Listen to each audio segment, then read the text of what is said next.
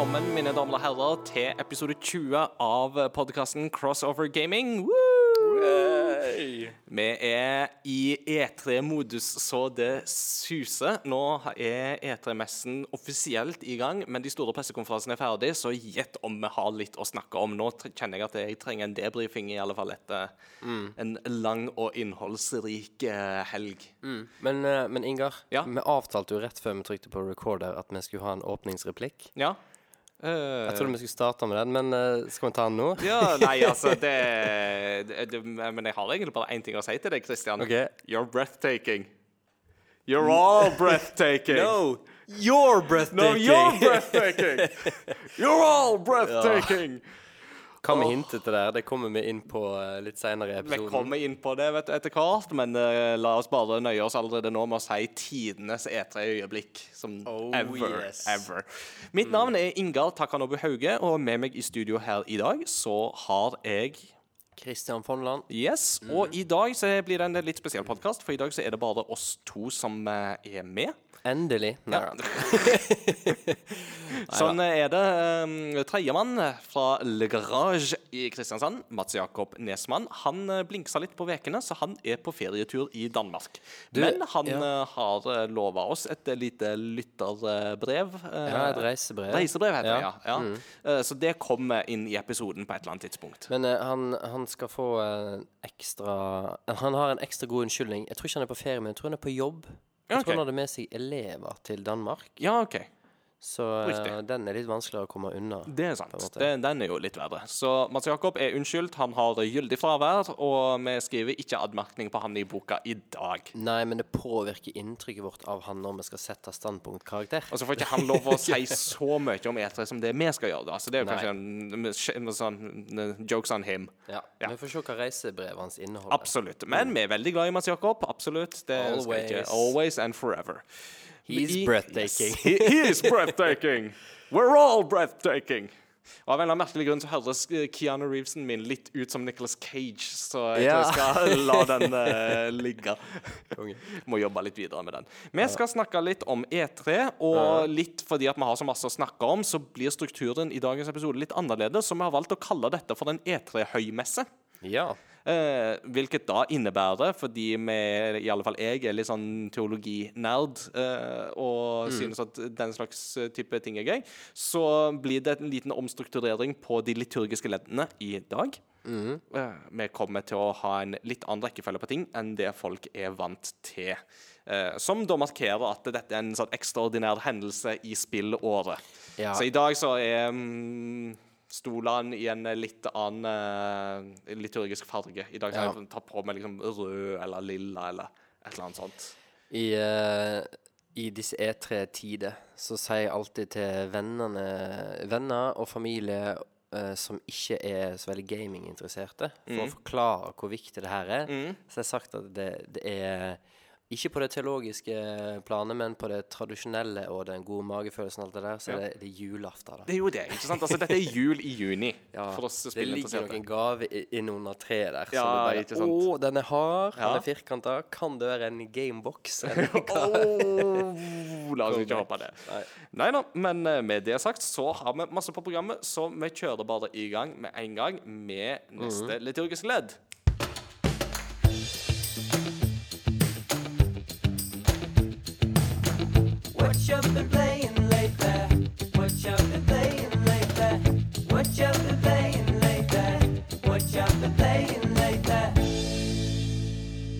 Oh yeah, what you been playing? What you been playing lately? Det, What you been playing? What you been playing, man? Nei, eh, som vanlig så må vi jo snakke litt om hva vi har spilt i det siste. Så Christian, kanskje du har lyst til å begynne i dag og fortelle litt hva har du spilt i det siste? Ja, jeg skal prøve å eh, fortelle litt hva jeg har spilt i det siste. eh, og litt om hvorfor og hvordan jeg har spilt det. Ja. Uten å røpe så veldig mye om hva som skjedde på E3 ennå, for å få en litt sånn spennende oppbygning og kronologi i episoden. oi. Men det skjedde noe på E3 som gjorde at eh, jeg hadde mulighet til å betale ti kroner for eh, enkelte Microsoft First Party-titler på PC. Ja. Eh, og da lasta jeg ned tre stykker. Alt det her for ti kroner samla. Mhm. Og da var da Forza Horizon 4. Uh. er bilserien til uh, -hmm. Racingserien til Microsoft. Um, sea of Thieves. Ja. Og det som jeg eh, De har ikke jeg testa ennå, men det som jeg har spilt masse de eh, tre siste døgnene, er Gears of War 4. Ooh, my tomatoes! Yes. Uh, Gears of War er jo en serie som starta tidlig, tidlig i Xbox 360-æraen. Mhm. Og ble da laga av Epic Games, Riktig. som da tydeligvis hadde en kontrakt med med Microsoft, da, for det her kom kun på Xbox 360. Ja. Og var en serie som hadde braksuksess. Mm. Og det, det var til sin tid, i hvert fall, veldig kvalitetsspill. Veldig spektakulære spill. Ja, absolutt. Altså, Første Gears of War var jo veldig definerende for den third person cover shooter-actionen Yes. som eh, vi jo kjenner i dag. Ja, altså Uncharted sitt kampsystem har jo henta I hvert fall i starten mm henta jo ganske mye derifra. Ja, og Mass. Effect har jo òg henta en Ja. del. Ja. Eh, og liten sånn uh, Liten sånn fun fact og nerdete uh, fakta der er at når Microsoft skulle lage uh, Bestemme seg for å designe altså hardwaren til Xbox 360 mm. Altså hvor mye RAM skulle han ha, hva type RAM skulle han ha, hva skjermkort skulle han ha, CPU Så snakka de med en del spillutviklere og bl.a. engine-utviklere om hva ønsker dere i neste generasjons konsoller. Mm.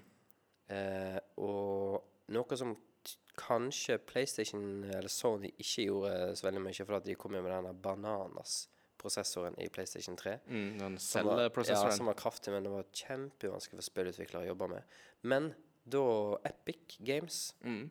er jo også de som da hadde kommet med Gears of War etter hvert, men de har jo Unreal Engine. Ja. Og, eh, og der var det ganske mye dialog att og fram på hva Hvis de skal få Unreal Engine til å funke bra på neste generasjons konsoller, hva trenger den konsollen å være da? Mm. Så uh, på mange måter var kanskje Epic Games og, med, og Gears of War-serien med på å definere Xbox 360 som hardware òg. ja eh, det, det tror jeg er rimelig å anta. Mm. Så, uh, men uh, fireren, ja, Mm. er vel egentlig femmeren i serien. For det var først en trilogi, og så kom det en prequel. Mm. Den Gears of War Judgment Ja. er det vel den heter. Ja, og så er det fireren her, da, som er da satt sånn kronologisk. Så er han satt etter treeren. Så hører du i, i eh, tallgivningen. Eh, og jeg, eh, jeg Kan jeg spoile treeren, som er sånn 10-12 år gammelt, og ikke har noe re-release? Ja, faktisk så har jo ikke jeg spilt Gears of War-spillene ennå, til min store skam. Jeg planlegger å gjøre det, men vet du hva? jeg anser ikke det som en veldig stor spoiler at uh, ting blir litt spoila, og det er min egen feil, så For- kjør på. For du um, I Gears of War 1, 2 og 3 så, så har liksom eineren startet Da er du gått inn i en krig mellom menneskene og en rase som kom ifra jordets kjerne, eller de kom ifra undergrunnen og opp. da. De borra seg opp, og så plutselig var de der, og så var det full ut krig. Ja, Det er jo på en annen planet, dette her, hvis jeg ikke husker feil. Ja, ja, det er vel ikke på jorda, men det er jo nei, i uh, Nei, men det, er- det er en uh, alternativ jordklode, da, Ja. på en måte. Ja. Um, og så uh, Den krigen her pågår liksom gjennom Gears of War 1, 2, og i treeren så klarer du å avslutte den krigen her, da. Mm. Du eh, klarer å spre en slags eh, et, et virus som ikke påvirker mennesket, men som påvirker den her slags alien-rasen, da. ja, Hva er det de heter nå igjen? Er det Locusts? Ja. Ja. Ja. Eh, og så eh, åpner da fireren med at fienden din Det her er ganske et stund etter krigen, og fienden din er nå det gamle militære, eller det nye militæret, da. Mm. Som drevet mye med AI og roboter og mye sånt. Eh, men så sakte, men sikkert så oppdager du plutselig Så blir du angrepet av en ny alien-rase. Ja. Og så da begynner liksom det her eh, jakten Det er både et liksom mysterium på liksom okay, hva, hva er det som egentlig skjer her? Eh, er det her en ny alien-rase, eller klarte vi ikke utrydde Locust likevel? Eller har de evolve, eller, eller hva er det her for noe, da? Så fireren går liksom ut på å kartlegge den nye trusselen, som jeg, jeg tror de tar med seg videre i femmeren, som kommer nå i høst. Riktig. Så eh, veldig, det er veldig Jeg syns det, liksom, det er spennende samtidig som det er actionfullt. Ja. Ja. Jeg, mm, altså, jeg hadde jo Altså, jeg eide jo ikke en 360 eh, back in the day, og det er jo litt av grunnen til at jeg ikke har spilt Gears of War. Mm. Eh, men jeg kjøpte jo en 360 for et par år tilbake, og da begynte jeg jo på Halo. Altså Ja. Det som jeg kalte for Project Halo, som var å spille gjennom campaign på alle Halo-spillene. Mm. Og der fikk jeg jo med meg uh, Peter Gjøskjell. Peter! Jepp. Som uh, Peter. er, er trofast lytter og er med oss her. Så han var jo med meg og spilte det i coop fra Halo 3 og utover. Ja. Og jeg har jo en, et håp da om at vi må få til en Gears of War, eh, Project Gears. Yes. Eh, vi har hatt Project Halo, og så har Project Gears da i tillegg. Så jeg har jo alle Gears of War-spillene liggende, så det er bare et spørsmål om å prioritere det. Ja. Ta det i en eller annen ferie. Det har ferie begge to. Også. Ja, men hvor tid skjer det? Ja, det var det, da. Ja. Du da, Ingar? Jo, um, jeg har eh, spilt ferdig Days Gone. Uh, Ja. Det spilte jeg ferdig eh, kort tid etter at vi spilte inn forrige episode. Da hadde jeg ikke så masse igjen av Nei. historien. Så Du, du har ikke anmeldt det, men, men kan du liksom Kan du gi oss en liten ja. Altså, jeg har, um, jeg har ikke anmeldt det for Game Reactor, men um, jeg um, har en Jeg har jo en blogg som Ja. jeg skriver litt på sånn utenom. eh, bare fordi at jeg av og til trenger å ta en brain dump og få Mm. ned tanker om ting og tang. Så jeg har skrevet litt om, um, om Days Gone der, på World of Ingar, som den jo heter så fint. Dette Mm. var i 2006 den ble laga, så Yeah. Ehm, og kort fortalt så vil jeg jo si at jeg syns at zombiene i spillet er ganske bra utvikla. Og det, det å på en måte slåss imot de, og særlig når de er i en horde, der det er gjerne flere hundre av de på en gang, det er ganske intenst og ganske bra designa og laga til og sånt. Ja. Eh, og når spillet er på sitt beste, så er det både fint og underholdende, absolutt. Men det er så mye tekniske issues med det, og det bare føles upolert og uferdig. Og Ok. Historien er vel, og rollefiguren er veldig dårlig skrevet til tider. Altså, det er så B-filmmateriale over det at det er Ja. Altså jeg, jeg klarer liksom ikke å ta noe seriøst i, i dette her. Nei, det, det er dumt når uh, den illusjonen brytes, på en måte, og Det- du skjønner det her ja, er et spill. Ja, det er jo det. ikke sant? Altså, Da er vi jo inne på en måte i sånn klassisk narrativ teknikk. Og altså, eh, Tolkien var jo inne på dette når han snakket om dette med på en måte å bringe leseren inn i på en måte sekundærverden, eh, som Johan på en måte var veldig opptatt av. Altså Når du leser 'Ringenes herre' og 'Silmarillion', og sånt, så er merker du jo på en måte at eh, Tolkien har vært veldig opptatt av å holde ting konsistent. Og det er jo fordi Ja. at man skal holde leseren inne i sekundærverdenen. For hvis, det på en måte, for hvis det er noen brister der, så brytes illusjonen, og leseren kastes tilbake til primærverden, og da er illusjonen brutt. Ja. Eh, det er jo litt av den samme grunnen som at eh, du må ikke slippe folk inn når et teaterstykke har begynt, f.eks. For eksempel, fordi at da kan de som kommer inn, være med på å bryte den illusjonen som teateret prøver å skape. Så det er en del sånne eh, mekanismer inne i bildet da, som gjør at Days Gone ikke helt når opp. Så jeg tror jeg legger det på en seks av ti, jeg, altså. At det er sånn jeg Trodde jeg i et brøytesekund det var en terningkast seks. Nei, nei, nei. nei, nei, nei. Altså, det, er, det er en svak firer på terningen. At det, er Ja. sånn, det, det er ikke katastrofalt når det kjører som det skal, men det er altfor ofte at det ikke kjører som det skal. Og Ja. det burde vært bedre enn det det er, dessverre. For, altså, for du nevnte jo tidligere med litt sånn tekniske utfordringer, og, og da hadde det kun vært det tekniske, så er jo Mm. det ting de lett kunne ha patcha. Men, men hvis det er store hull i, i storyen og, eh, og dialoger og masse av de tingene der som egentlig mer er content-avhengig Mm. Ja. Og det er for langt òg. Det er òg et problem. Og det er liksom det at det er for dårlig skrevet og er for langt i kombinasjon. Ja. Eh, for, for hvis ikke så kunne jeg fort ha bumpa det opp i alle fall én en karakter på karakterskalaen. Det kunne jeg absolutt. Så Men så, så er jeg ferdig med det. Uh, Mm. På mandag, altså på andre pinsedag, så spilte jeg i én sitting Draugen. Ja. Det norske spillet utvikla av Red Thread Games, som jo er en gruppe med utviklere med bakgrunn fra Funcom, med Ragnar Tørnquist i, eh, i, eh, i eh, lederposisjon, eller på, som en av de mest sentrale aktørene i det selskapet. Anmeldte du det, eller var det for Det var jo kun for egen del. Uh, Der har vi jo en game rector anmelder oss, min kollega Christian, Christian, som har anmeldt det. Eh, kan anbefale den anmeldelsen. Jeg er langt på vei enig med hans konklusjon i, eh, med Draugen. Eh, kort fortalt, Draugen er satt til en fiksjonell norsk fjord som heter Gråvik i eh, anno, og herrens år eh, 1923. Du kommer inn som en amerikaner, Edward, som har lært seg litt norsk og sånne ting, som har med seg ei um, Trondheim, kommer her. Nei, han heter ikke Trondheim. Han heter ikke Trondheim eller Bergen. Nei, han heter Edward. Um, har med seg ei ung um, jente som han tydeligvis er verge for, uh, som heter Ja. Lizzie. Uh, og sammen så reiser de til Gråvik for å lete etter søstera Betty. Uh, altså Edwards søster Betty. Så kommer de til Gråvik, en liten eh, idyllisk norsk bygd, og så er det ingen der. Selv om han egentlig har skrevet til dem at han skal komme, og de er bare sånn Ja, velkommen, vi venter på deg, og sånt. Og så blir det jo da nøsta opp i hva som er skjedd, og prøver å finne ut av, mm. av dette her, da. Eh, så det, langt, på, langt på vei så er det jo en sånn um, det som jeg kaller for en walking simulator. Altså litt i samme kategori som spill som Gone Home, som Firewatch og eh, What Remains of Edith Finch. Eh, som da er på en måte Det er mye dialog, det er mye historiefortelling, og mesteparten av spillet, spillet handler om at du bare går rundt omkring og skal på en måte finne de rette tingene. Eh, det begynner veldig bra. Det ser veldig bra ut. Soundtracket er nydelig. Eh, Simon Poole har gjort en veldig god jobb. Og når du starter opp spillet, så får du jo den norske eh, folkevisa 'Den dag kommer aldri at jeg deg glemmer'. Konge. Men Så, ja. eh, har ikke han gjort musikken Bare før vi går videre, har ikke han gjort musikken til Journey?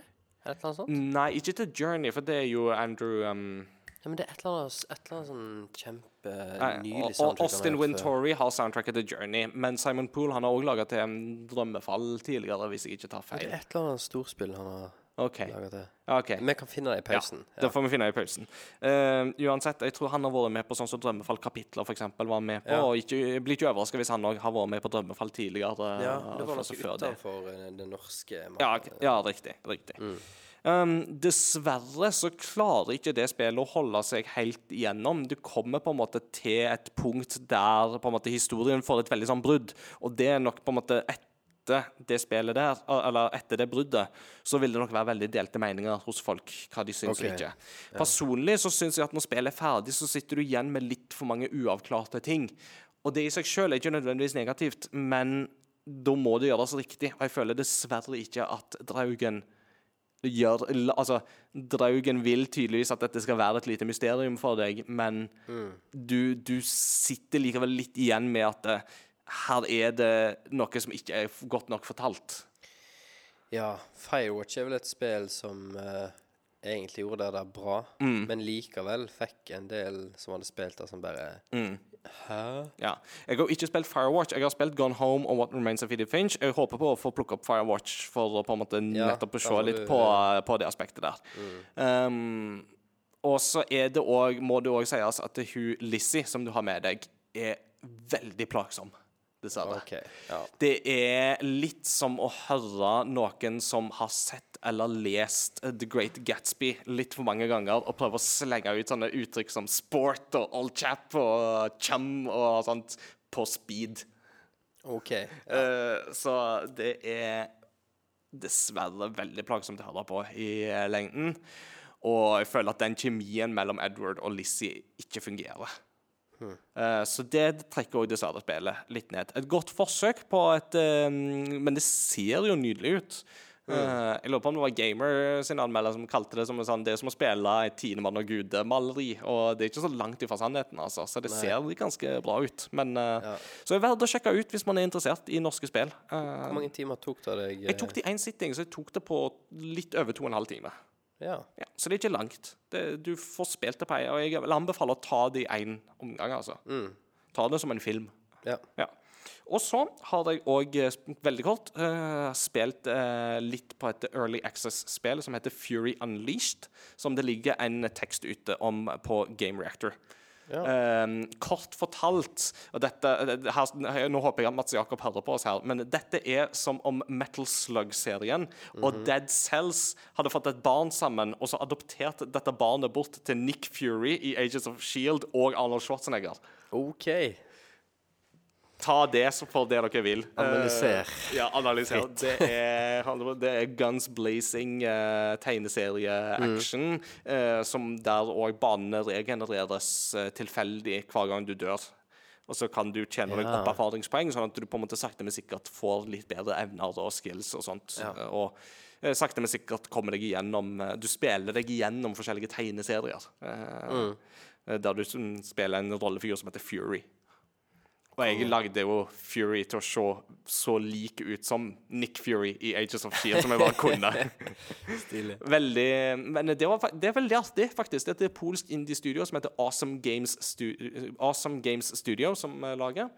Uh, og jeg gleder meg veldig til, til å se sluttproduktet. Um, det skal komme ut i løpet av året i år en gang. Og jeg hadde det veldig gøy når jeg spilte det. Det var akkurat det jeg trengte da. Kult. Så har jeg òg spilt et spill til, men det skal jeg ta neste gang. Uh, for det skal jeg kanskje skrive litt om. Ja, ja, stilig. ja. Cool. Med det så tenker jeg at uh, vi har vært gjennom eh, hva har du spilt-segmentet vårt. Og da, Kristian. Ja. da er det på tide for oss å gå til høymessens sentrale punkt, nemlig E3. Mm, mm, mm. Så E3 en, eh, Ja, altså Electronic Entertainment Expo 2019 er nå ferdig. Vi har hatt mange store pressekonferanser der mange av de store aktørene i spillbransjen har vist fram hva de holder på med nå, og hva de vil at du skal kjøpe i løpet av året som kommer. Det, det, vi må jo bare på en måte først og fremst erkjenne E3 er jo en salgsmesse. Altså Dette er spillbransjens mm, sales pitch til deg. Ja, ikke sant? De er hyper tingene veldig opp. Det er PR. Og, men, men det er lov å kose seg med det for det. Det er det jo. Altså, dette er på en måte det, er lov å glede seg til disse tingene, og det er lov å på en måte bli litt hypa, Ja. jeg. Og så må man samtidig lande litt etterpå, og så bare erkjenne litt, på en måte smake litt på realitetene, og ja. Noen ting vil overraske, noen ting vil ikke være så bra som du hadde forventa, noen vil kanskje være bedre enn det du hadde forventa. Så, ja. Um, fikk du sett noen av pressekonferansene? Ja, altså de pressekonferansene jeg har sett uh, til sitt fulle og hele, er Microsoft sin, Ja. Bethesda sin, Ja. uh, Nintendo. Mhm. Og så har jeg skumma gjennom Square Enix. Men eh, mitt store hull her er nok PC Gaming Show. ja. Eh, så der må du være vår eh, guru og guide oss gjennom den. Det skal jeg eh, gjøre så godt jeg kan, vet du. Vi skal i del én før pausen så skal vi snakke om eh, tre av de første konferansene, som da var Microsoft sin. Vi skal snakke om Bethesda sin, og vi skal snakke om Devolver sin. I tillegg så skal vi snakke om PC Gaming Show.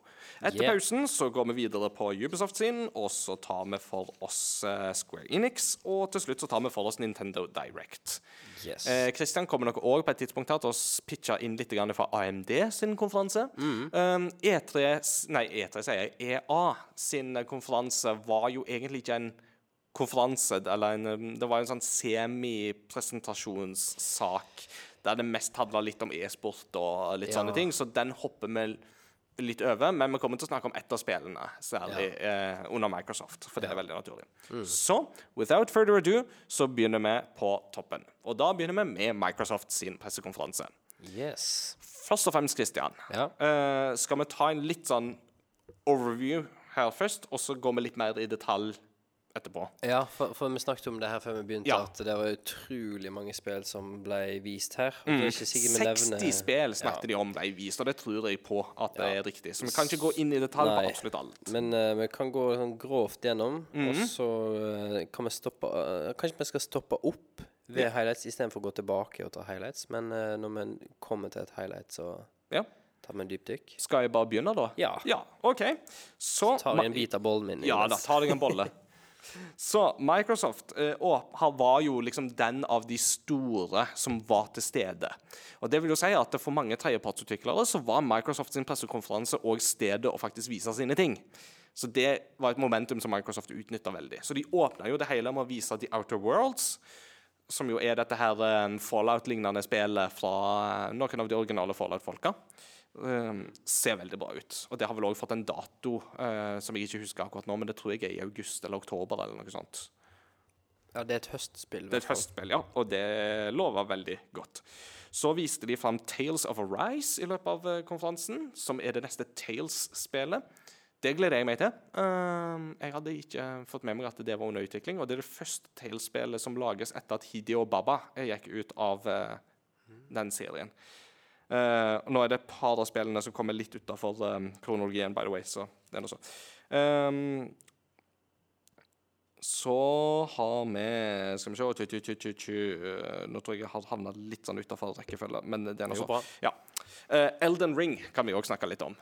Elden Ring, ryktene som vi snakket om i forrige episode, ble bekrefta. Elden Ring? Eller El Elden? Elden. De, Ja, el, kødda. el, Elden Ring. Elton Ring. El Elton Ring. Goodbye, Elton Ring.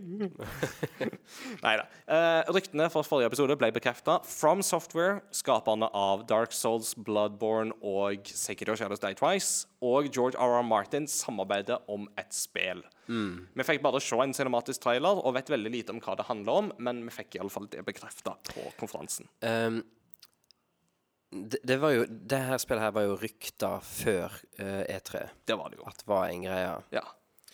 Og folk var sånn Ja, yes, yes, yes, kult, kult, kult. Hypa, hypa, hypa. Og noen få nevnte det her med at OK, er det enda en ting George R. R. Martin skal gjøre istedenfor å skrive ferdig de bøkene? Men eh, jeg har ikke hørt noen snakke om et tema som for ikke så veldig lenge siden var et ganske hett tema i eh, spill... Eh, som vi har snakket om i en episode. Og da tenker jeg på godeste Miyazaki her. ja. Eh, for vi har snakka tidligere om en spillbransje som kan være ganske hard for spillutviklere. Og i Japan så har det jo sakte, men sikkert kommet frem at liksom mye av det samme gjelder manga- og anime-studio. da At de blir kjørt altfor hardt. Ah. Og godeste Miyazaki eh, Han har jo nettopp Han har gitt ut et spill som Det, det er ikke et år gammelt engang. Nei. Som eh, er jo et, nydelig mesterstykke av et spill. Og og under Altså, når kom det, da? I april? Mars? Sekiro april? kom i slutten av mars. Ja. Og i juni så har han en ny CG-trailer for sitt neste spill. Mm. Eh, selvfølgelig er jeg gira, men det første jeg tenkte når jeg så det, bare, tenkte jeg Stakkars fyr. Ja. Han må jo, han må jo være helt utslitt. Ja, men altså, hva, hva han velger å gjøre, det er nå én ting, men tenk på de stakkars ansatte. Så han eh, Jo, jo men, men, men det tenkte jeg òg på. For at From Software, for alt vi vet, har de vokst seg så store at de har flere avdelinger som jobber parallelt. Ja. Men når det står han som regissør, Ja. så betyr det at han er i hvert fall en med masse ansvar Mm. eh, og kreativt eh, innspill som har en sentral rolle i begge de spillene. Jeg håper han er Så han har ikke fått mye sommerferie. Han, jeg jeg. håper han er flink på ansvarsdelegering. Men det er jo gjerne noen av disse her uh, folka i japansk spillbransje er jo sånn Altså Masahiro Sakurai, som jo er mannen bak Super Smash Bros. Ultimate, han hadde tre feriedager i fjor, og det var 22., 23. og 24. desember. Men han og- jobber seg jo sjuk, han. Ja, ja, han, men han jobber seg sjuk. Men det er liksom det han gjør. Han bare sånn Nei, nei bare sett det igjen intravenøst, og så går jeg på jobb igjen. Det er sånn Folkens, det, vi, vi er glad i de spillene dere lager, men ta dere litt pause. Slapp litt av. Vi tåler å vente litt lenger på spillene det, deres, det toucher jo litt sånn samfunnsproblemer som er der eh, borte i Japan. Det gjør jo Men det er en annen episode. Det, det er det. Um, så har dere notert meg Nino Kuni remastered. Jeg, jeg har glemt litt om det ble vist på Microsoft sin eller ikke. Men Hvis det var Nintendo. Ja, OK, det var kanskje det. Ja, For da er det jeg som sikkert har rota litt med Men hvor jeg har det kommer i hvert fall på Switch. Ja, Switch ja, ja det, det er klart det kom, det, Microsoft sier den eneste. Det, ikke, altså det kommer ikke på Xbox, sånn er det. Så da er det jeg som har rota. Men Nino Kuni får en remastered som Yeah. kommer på uh, Og da snakker vi om det første Nino Kuni. Det er kjempebra. Ja, det er et flott spill. Altså. Konge. Så går vi over til ting som ble vist litt mer fram. Ori and the Will of the Wisps har fått Mm. dato. Kommer 11. februar 2020. Ser aldeles nydelig ut. Fytt i grisen. Åh, jeg fikk så chills av den traileren, altså. Fortsatt magisk musikk i det spillet. Ori and the Blind Forest, altså eineren, Ja. kom ut for noen år siden. Mm, 2015, hvis jeg ikke husker feil. Ja. Og er er på mange måter et spill som fortsatt i dag ser Det har så tidløs stil. Ja. Det ser nydelig ut, og, og når, eh, når eh, det kom, når de begynte å prate om at de holdt på med det her, da, så tenkte jeg det kan jo ikke bli noe finere enn det forrige. Du må jo bare bruke samme engine, eller samme stil. Og ja, de er på en måte da, men, men de har løfta det på et nytt nivå, for nå har de De har enda djupere Det er 2D, men, men det er enda mer som skjer i bakgrunnen, da. Mm, det er Den veldig mye- ja. 3D-verdenen er mye rikere, Det er mye fyldigere dybde, bilde. ja. Ja. Det er jo Altså, jeg, jeg, jeg, får veldig sånn Studio Ghibli-følelse av, eh, av eh, Ja. det første Ori. Og Jeg skal være så ærlig og si at eh, Så pompøs og si at det, det, det minner meg om ingenting. Det, det, det er så utrolig unikt. Mm. Ja. Så uansett, 11. februar, da er jeg klar. Oh, yeah. yes. uh, så fikk vi se Minecraft Dungeons, som er en uh, sånn type eventyrspill i uh, Minecraft-setting. Mm. Um, sikkert gøy for de som er gira på det. Um, Ingen av oss. Dessverre. Vi er nok litt Jeg vet ikke, jeg har alle vært helt Minecraft-spiller, men det er gøy for de som liker sånt. Ja. Og så viste de bitte litt av Star Wars Jedi Fallen Order. Der Oh, viste de en god yeah. trailer. Og det spillet det skal vi snakke litt om. Fordi Mm. det ble òg vist på EA sin eh, konferanse. Da viste de en 14-15 minutter av det. Og Mm. det virker kjempegøy, for det virker å være veldig inspirert av Sekiro. Eller av From Software sine spill. Så Ja. det blir en sånn Sekiro møter Star Wars, eh, og jeg er on board for det, altså. ja. Jeg, eh, det ligger vel um, Jeg lurer på om det ligger to forskjellige sånn gameplay-trailere ute. Mm. En fra EA sin konferanse, én fra Microsoft, som du sa. Mm. Um, det her er veldig upopulært å si. Jeg elsker Star Wars. Og har sp- spilt så mange timer Star Wars-spill i løpet av livet. Ikke hat meg nå, Ingar, OK, OK. men jeg syns det så litt kjedelig ut. Gjorde det? Jeg syns det så litt dølt ut. Det, det, rent sånn visuelt. Mm. Kjempefint. Um, han karakteren du styrer, nå husker ikke jeg hva han heter. Cal Kestis. Mm, det jeg har sett nå, litt kjedelig type. Litt Mhm. tørr og kjedelig.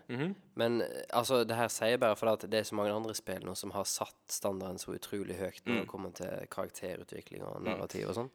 Men eh, også um, Følte jeg kanskje at, at, at combaten var litt sånn uh, identitetsløs, på en måte. Det var noen kule ting med sånn force powers og sånn, men det var litt sånn jeg, jeg er ikke helt solgt, altså. OK. Nei, interessant. Jeg, og jeg, jeg, eh, jeg syns det er kjempedumt at jeg ikke er det, men jeg, jeg er nok dessverre der. Nei. Jeg, eh, Men du må likte, jeg, jeg, meg, jeg likte det jeg så, absolutt. Um, vi fikk jo se mer av den her droid-partneren til Calcastis. Ja, Og det er sjarmerende. kjempesjarmerende. Ja. At uh, endelig så er det en droid-partner. Mm. Ja, ja, ja. Og altså Jeg snakket litt om dette her med Kjetil Kjetil! Som um, eh, Mm. jeg, jeg tror at sist gang vi hadde et der, et Star Wars-spill der du hadde en robotpartner av den typen der OK, du har en liten droid med deg i Battlefront 2-story-modusen, men hvis vi ser bort fra den, så tror jeg at sist gang det er Star Wars Nights of the Old Republic, når du kunne alliere deg med HK-47, som var en morderdroide som kalte alle for meatbags. Ja. Som blir fortsatt er tidenes beste Star Wars-rollefigur, sånn, nesten uansett hva medium vi snakker om. ja. De får mye personligheter inn ja. i de robotene robotene sine. Ja. Uh, vi fikk jo etablert at dette er mellom episode 3 og 4, det har vi visste visst hele tida, men vi fikk liksom det etablert for alvor med å se Saw Gerrera, altså Forrest Whitaker sin rollefigur, dukka jo opp i en av trailerne. Så um, ja, nei, altså Jeg, jeg har trua på at dette kan bli artig, altså. Men det, det er klart at eh, det er jo i tredjepersonsperspektiv, dette her. ikke sant? Og det er jo en liten uh, nyhet for um, Respawn Entertainment, for de har jo stort sett forholdt seg til førsteperson.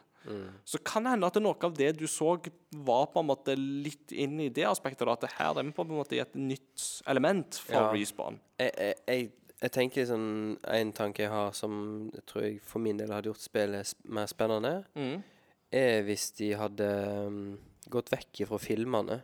Ikke nødvendigvis at de ikke skulle tenke kanon, men at de ikke trengte å knytte seg opp mot hendelser som vi, vi veit har skjedd, og vi vet kommer til å skje. Ja. Men at uh, jeg føler kanskje spillet kunne hatt en større impact hvis de gjorde en sånn som Old Republic. da, Nights of Old Republic At det her er 1000 år før, eller Ja. 10 000 år før. Eller at litt sånn uh, start, Start på nytt, tenker jeg da. Ikke, ikke Ja, jeg, jeg føler liksom de filmene, de, de um, jeg, jeg savner ikke noe mer enn filmene i, i den fortellingen, da. Nei. Kanskje. Mm. Men eh, det er jo kan, Ja. mulig jeg er Nei, Jeg tenker, uan ja, altså, jeg tenker uansett når du lager Star Wars, så vil folk alltid spørre hvor hen finner dette sted. Og da må de på en måte knytte det opp på en eller annen måte. Og så får man stille et spørsmålstegn ved om det blir gjort på en god eller dårlig måte. Ja, men, men da, da er de plutselig Kan de veldig fort sette seg i den saksa der at uh, Ja, at uh, OK, vi kan ikke finne opp en badass, kjempekul Sith Lord. Mm. For da at Nei, det fins det ikke noe. Mm. Og det kan ikke være en kjempekul jedi-mester, mest sannsynlig, da. Mm. Eh, på grunn av det gapet som spillet finner, finner sted da, i Star Wars-fortellingen. Ja. Men ja. Mm. Uansett, vi må videre, for vi har masse å ta Ja. tak i. Så uh, vi blir nok, eh, kommer nok innom Star Wars igjen i uh, nær framtid. Yeah. Eh, en overraskelse for min del var et spill som heter Blair Witch. Ja. Blair Witch, altså klassik filmklassikeren Blair Witch Project, blir spill. Jeg kommer helt sikkert ikke til å spille det, for jeg er en, ikke en horrorspiller. det er jo allerede en spillserie Ja, det er det jo. ifra overgangen mellom 90-tallet og 2000-tallet. Så Ja. kom det tre spill, tror jeg. Ja. men dette blir jo mer eller mindre en sånn reboot. eller noe sånt, virker det som. Også det var jo sånn, Når de zoomer ut, og du ser det i skogen, så ser du den her Blair Witch-logoen, så er det bare sånn Oi! Det var uventa. Ja, Så veldig kul. Kult trailer. Og så, etter Blair Witch, så kom jo uh, messens høydepunkt. Da kom presentasjonen av Cyberpunk 2077. Åh, Og for det første Vi har fått dato på Cyberpunk 2077. Det kommer 16. april 2020. Så folkens, nå vet dere når dere skal ta fri. Men traileren i seg sjøl viste oss jo eh, en del av verdenen, av settingen, av hovedrollefiguren, og alt det var veldig i en sånn skikkelig cyberpunk-stil. Det var Jeg må innrømme at der ble jeg kanskje litt underwhelmed. At det var litt sånn ja, dette ser kult ut og alt sånt, og det er veldig typisk cyberpunk, men mye av dette har jeg sett før og sånt. Og så, på slutten av den traileren, så kommer Keanu Reeves. yes. Den, altså, John Wick, Neo, eh, hovedrollepersonen i Speed. Uh, Ja. Plutselig så dukker han opp og er en uh, rollefigur i spillet. Ja, og, og måten han liksom Han kommer fram, da Du Ja. hører først stemmen hans, og så ser du liksom beinet på en person, og så bøyer personen seg ned. Sitter seg ned på huk Og så har solbriller på seg. Tar de av, og så bare Shit, det er Keanu Reeves. Og da vet du, går folk litt bananas, vet du, for ja. her får du et spill med selveste John Wick. Ja. Eh, og så kom jo Keanu Reeves på scenen og skal snakke om cyberpunk.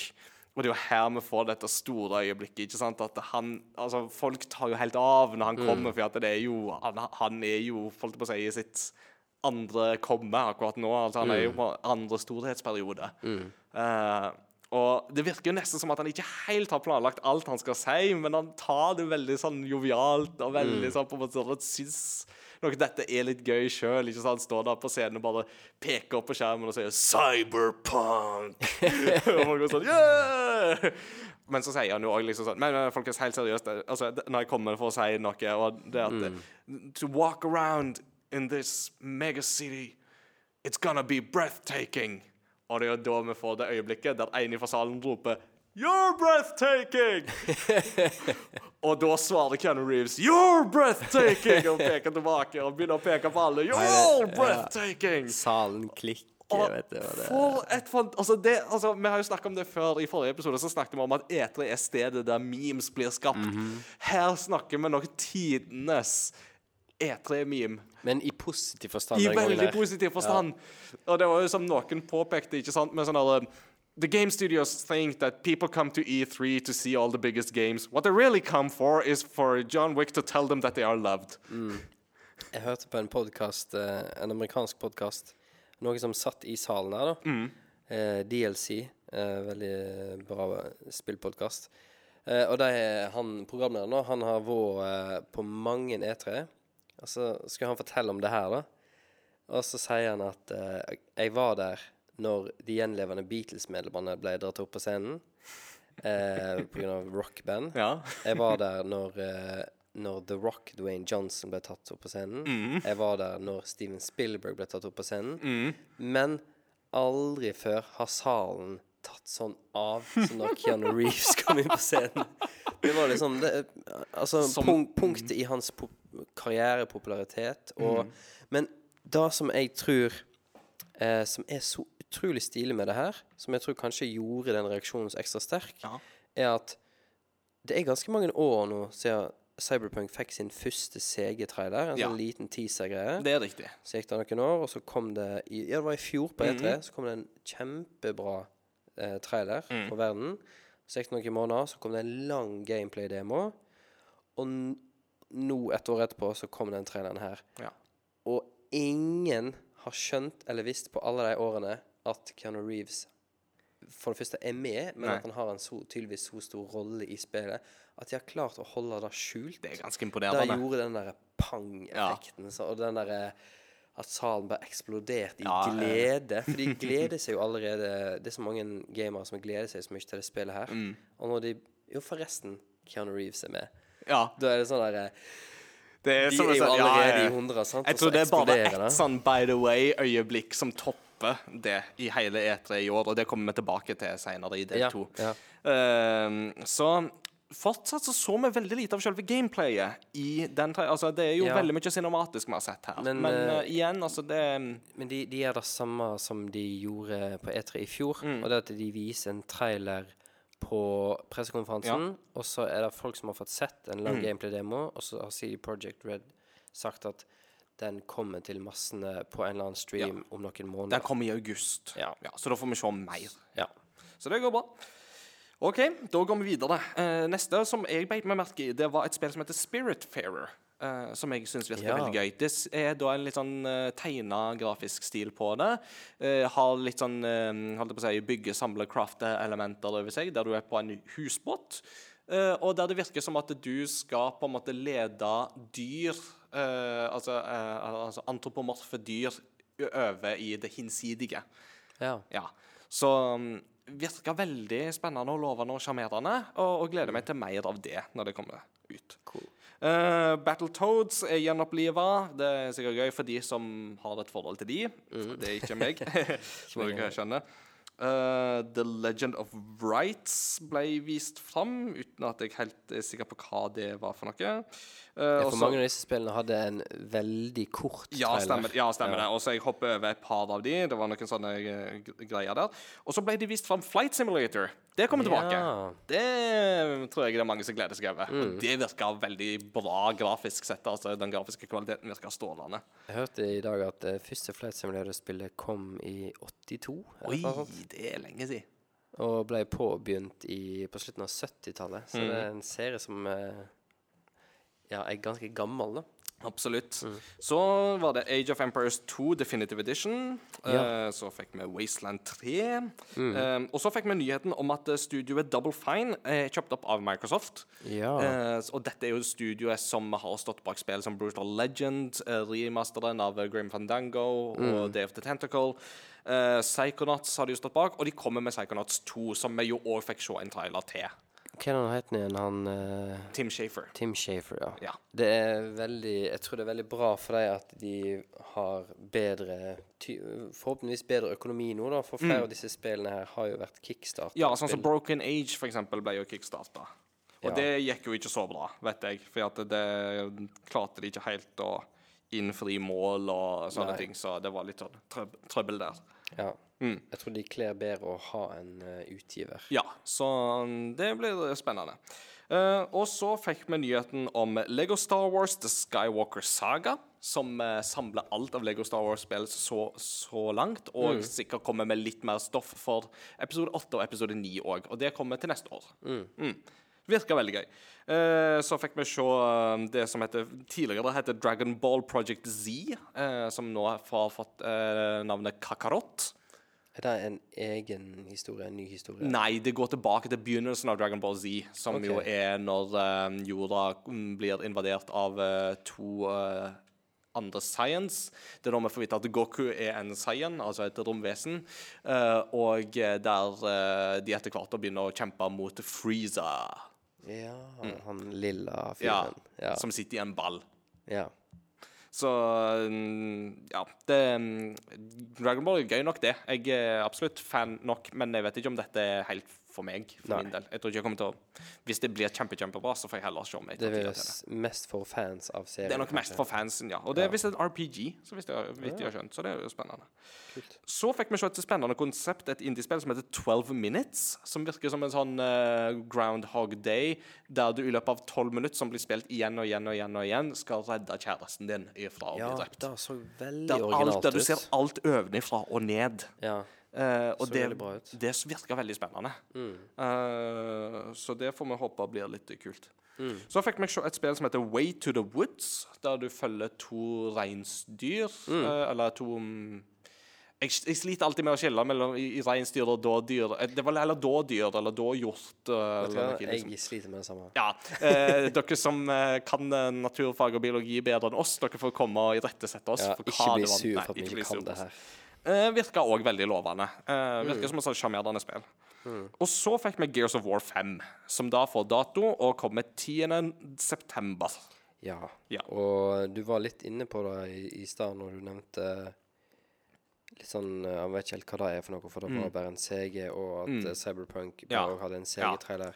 Litt, litt spesielt at uh, GS of War 5 bare hadde en seig trailer, med tanke på at Mm. de har vist De har ikke vist noe særlig gameplay av det ennå. Ever. Nei. Og den, det er nå da tre- to-tre måneder til det skal komme ut. Ja.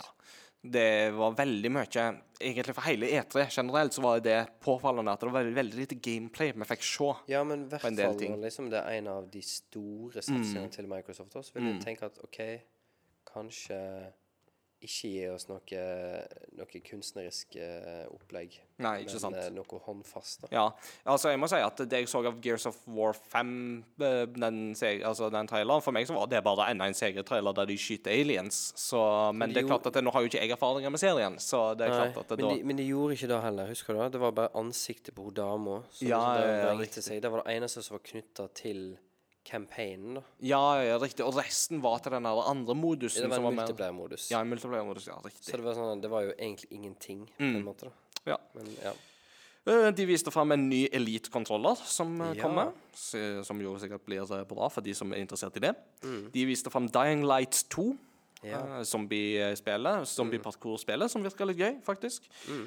Og så fikk vi et øyeblikk som fikk meg til å sprute ut i latter. Og det var traileren til Forza Horizon 4, som Ja. får expansionen Lego Speed Champions. Hvordan ble det revealet? Det ble reveala med at du ser liksom klassiske Forsa-miljø. vet du, Nydelig, vakker natur, blanke, flotte biler som mm. kjører engelske countrysiden.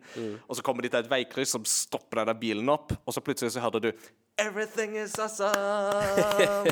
Everything is cool when you're part of a team. Og så kommer det legobiler kjørende forbi i full fart, og du bare ser for deg at inni den Fossa-bilen så sitter det en fyr og bare Hva skjedde nå? ja, for det er en- det en life-sized levende legofigur i bilen sin.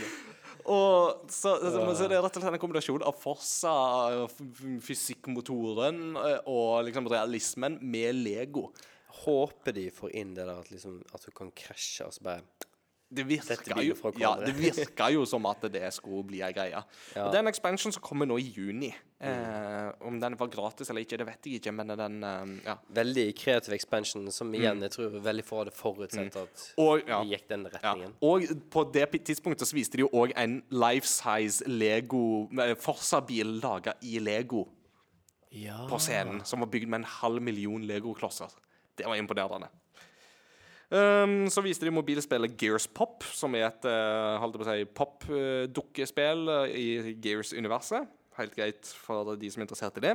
State of Decay 2 Heartland ble vist. Og så kom en ny overraskelse. Fantasy Star Online 2 kommer endelig til Vesten. Yes. Uh, da er det en liten shout-out til Martin, Martin, som uh, var jo gjest her for et par episoder tilbake og snakket om kortspill. Han er jo veldig fan av Fantasy Star Online. Ja. Uh, det er et lite forbehold her, og det er at det er kun Amerika som får tilgang Ja. til å begynne med. Midtøsten, Europa, Australia er ikke bekrefta ennå.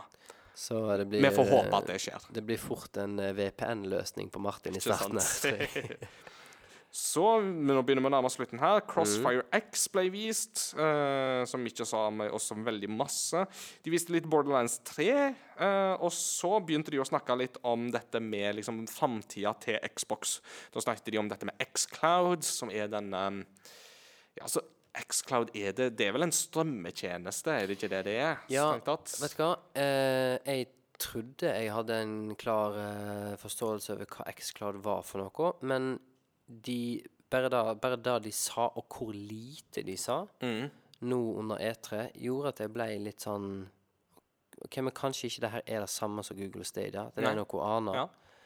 Eh, og så virker det òg som at OK, men er det ganske lenge til det her kommer? For at du, jeg tror ikke de bør la Google Stadia få arenaen alene for Nei. lenge. Det tror jeg òg. Vi, vi får se. Da, vi, vi får sette oss litt mer inn i det, og så får vi komme Ja. tilbake til det på et senere tidspunkt. Tenker jeg. når det kommer til det, ja. da Vetla de savner den nye Xboxen, så Mm. uh, sier de veldig mye av det samme som PlayStation Eller Sony har sagt om PlayStation 5. Ja. Eneste eh, be sånn betydelige forskjellen der er at Sony har vært veldig vage på raytracing, som Mm. da er det her vi snakket om tidligere, men det er da det å Gjenskinn av lys Ja, i flater og sånt. ja. Ja. Sånn at refleksjoner og sånt blir mer naturlige og realistiske. Eh, for det er på annen På hardware som ikke er bygd for raytracing, så er det vanvittig tungt å kjøre. Og da skjer det ikke. Mm. Nei. Uh, der har Sony vært veldig vage, mm. mens uh, Microsoft var veldig tydelig på at jo, jo, vi har hardware accelerated raytracing, altså maskinen er bygd for å gjøre det. Da. Mm. Så muligens at vi får et, uh, et skille på de to konsollene der, kanskje. Det vet vi ikke ennå. Mm. Og det som jo òg blir veldig spennende, som er jo bekrefta Jeg vet ikke om det blir bekrefta der, men det er jo iallfall bekrefta ellers at eh, Project Scarlet, som den jo heter, denne Mm. saken her, kommer til å støtte tidligere Xbox-utstyr. Så jeg vil si Og at, eh, spill, og ikke minst. ikke minst. Ja. Så den blir liksom så bakoverkompatibel så det går an å få det. Det er bra. Det er kjempebra. Ulempen er at nå har eh, Microsoft annonsert dette er de siste, altså en, gruppe, en knippe spill, og sagt at dette er de siste spillene som blir bakoverkompatible for Xbox One inn mot 360 og første Xbox. Eh, og at de heller framover skal liksom gjøre seg klare mot Project Scarlet. Så framover så vil det ikke komme flere bakoverkompatible spill til Xbox One eh, enn det som allerede er blitt eh, laga te. Um, Forståelig, egentlig. ja, jeg um, En ting som jeg eh, undrer meg litt over etter den revealen der, Ja. er at um, Fordi dato så nevnte de jo uh, Holidays 2020. Holiday 2020. Ja. Og da, i hol Holiday 2020, det er jo da om ett og et halvt år. Et og et halvt år, ja. Og da tror jeg PlayStation 4 Pro har vært ute i tre år. Mm. Men, men Xbox One X, den kom året etter PS4 Pro. Mm. Og det er kjempestore eh, forskjeller i eh, hvor kraftig de er på eh, Xbox One X og Xbox One S, Mm. som er standard edition. Um, og kommer de da til å fase ut begge de to konsollene, med tanke på at Xbox One X da bare er to år gammel, veldig ung konsoll? Eller kommer de til å si at her er den nye Xboxen, eh, da er nå den nye high-end-konsollen, og low-end-konsollen er nå Xbox One X. Det er de to som lever nå. Mm. Eller jeg føler, jeg føler at, eh, at det er litt sånn Jeg håper ikke det blir rot rotete, da. Jeg tror at eh, Microsoft kommer til å gå all in på neste eh, generasjon. jo. Fordi at nå har de bygd seg opp de siste par årene. De har kjøpt opp flere studio. Det er veldig tydelig at de på en måte fikk et momentum nå med årets E3. Mm. Og det er, for, for meg så gir det bare mening at det nå går de all in for å sette standarden for neste generasjon, og Ja. virkelig definere den. eh, Jeg håper de gjør det. Ja da, så eh, for min del så tenker jeg det at eh, de må ikke dvele for lenge ved Xbox One S og X. Um, for litt av feilen som jo òg ble gjort med den generasjonen som er nå, PlayStation 4 og Xbox One, var jo det at en del studio ble jo tvunget til å lage spill både for disse konsollene, men òg for gamle generasjonen, altså for 360 og PlayStation 3. Som jo gjorde at det var jo ikke før vi fikk spill som The Witcher 3 og Batman Arkham Knight, at vi fikk spill som helt og holdent var laga for denne generasjonen som er nå. Ja. Uh, og det var for lenge. Rett og slett. Det tok liksom to år før de ga slipp på den gamle eh, generasjonen. Og jeg sier the, uh, La meg sitere Kylo Ren og si Let the past die. Kill it if you have to. Ja. Eh, en siste ting vi må nevne før vi hopper videre på neste Ja. reveal her. Eh, på, eh, når vi snakket om Xcloud, Ja. så var det en ganske interessant ting de nevnte. Og da var at du, når det her kommer, så kan du òg sette Xboxen din i en servermodus. ja. Og eh, på alle sånne streamingtjenester, da, så eh, må, eh, må den devicen som du liksom streamer til, om det la oss si det er Netflix, da, at du skal se en Netflix-episode, så eh, må da via internett så må maskinen din eller telefonen eller hva det er, kommunisere med se nærmeste server. Mm. Og eh, en ting som gjør at sånne tjenester som eh, Nvidia, GeForce Now og OnLive, når da levd en kort tid, Mm. ikke funker så bra for alltid for oss eh, her i Norge, er at avstanden til nærmeste server er ganske mange land. Mm. Det er ganske langt unna. Men hvis du nå plutselig kan si at nei, nei, Xboxen min er hjemme nå i sommerferien, mens jeg er hjemme hos uh, mine foreldre eller mine svigerforeldre, den står, eh, den står på som en server. Mm.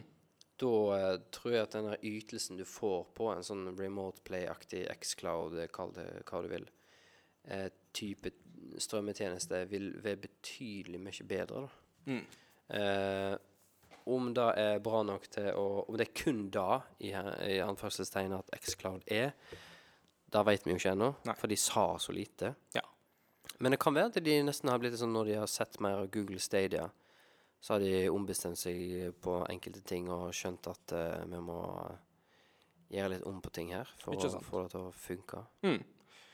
Og så, helt til slutt, så viste de jo fram Halo Infinite. eh, Yes. og bekrefta at det blir en launch-tittel til Xbox, altså Project Scarlett. Ja. Det er dermed ikke da avklart om det kommer til begge kon konsollene.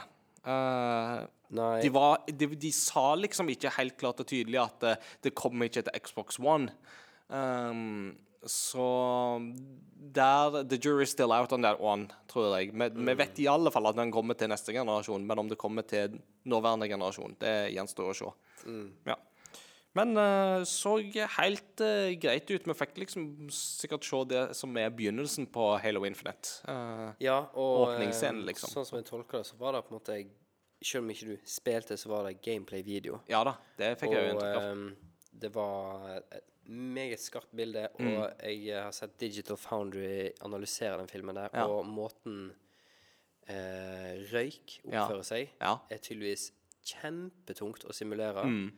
Og i tillegg så flaut i 60 frames. Så det Mm. er ganske mye som tyder på at Enten om de faker det på en, en ganske heftig PC, eller Ja. om det var faktisk en, den som da blir Scarlett, da, Ja. som kjørte den demoen her. Og Mjølnir-rustningen til Master Chief så veldig bra ut. Den Ja. gjorde det. Det er, det, er, det et punkt der hvor han, den rustningen blir slapp, sluppet ned på Mm. gulvet, på en måte. Og da er det mange objekter rundt i rommet som, eh, som eh, på en måte beveger på seg, da, eller Ja. liksom eh, detter opp og lander ned igjen. Og da snakket de om at du merker at objektet har, har blitt gitt en tyngde. Mm. På en måte, Det oppfører seg veldig sånn ekte, da. Så det, det, er- jeg tror det er ganske Det er kraftig engine som sitter bak der. Det var det fra Microsoft. Da har vi brukt veldig mye tid på det, men det var Ja. jo den lengste og kanskje mest omfattende Ja, òg, da. ja, det tror jeg, ja. Men kan vi òg muligens si at det var den beste? Ehm, for min del så, så er det nesten én alene Keanu Reeves. Ja. For, meg, for min del så er det det beste E3-momentet, Ja. i hvert fall. Ja. Altså, Med Microsoft sin så fikk vi et par overraskelser. Vi fikk et par nyheter om ting vi allerede visste om. øh, og vi fikk noen uh, gode øh, memes-øyeblikk.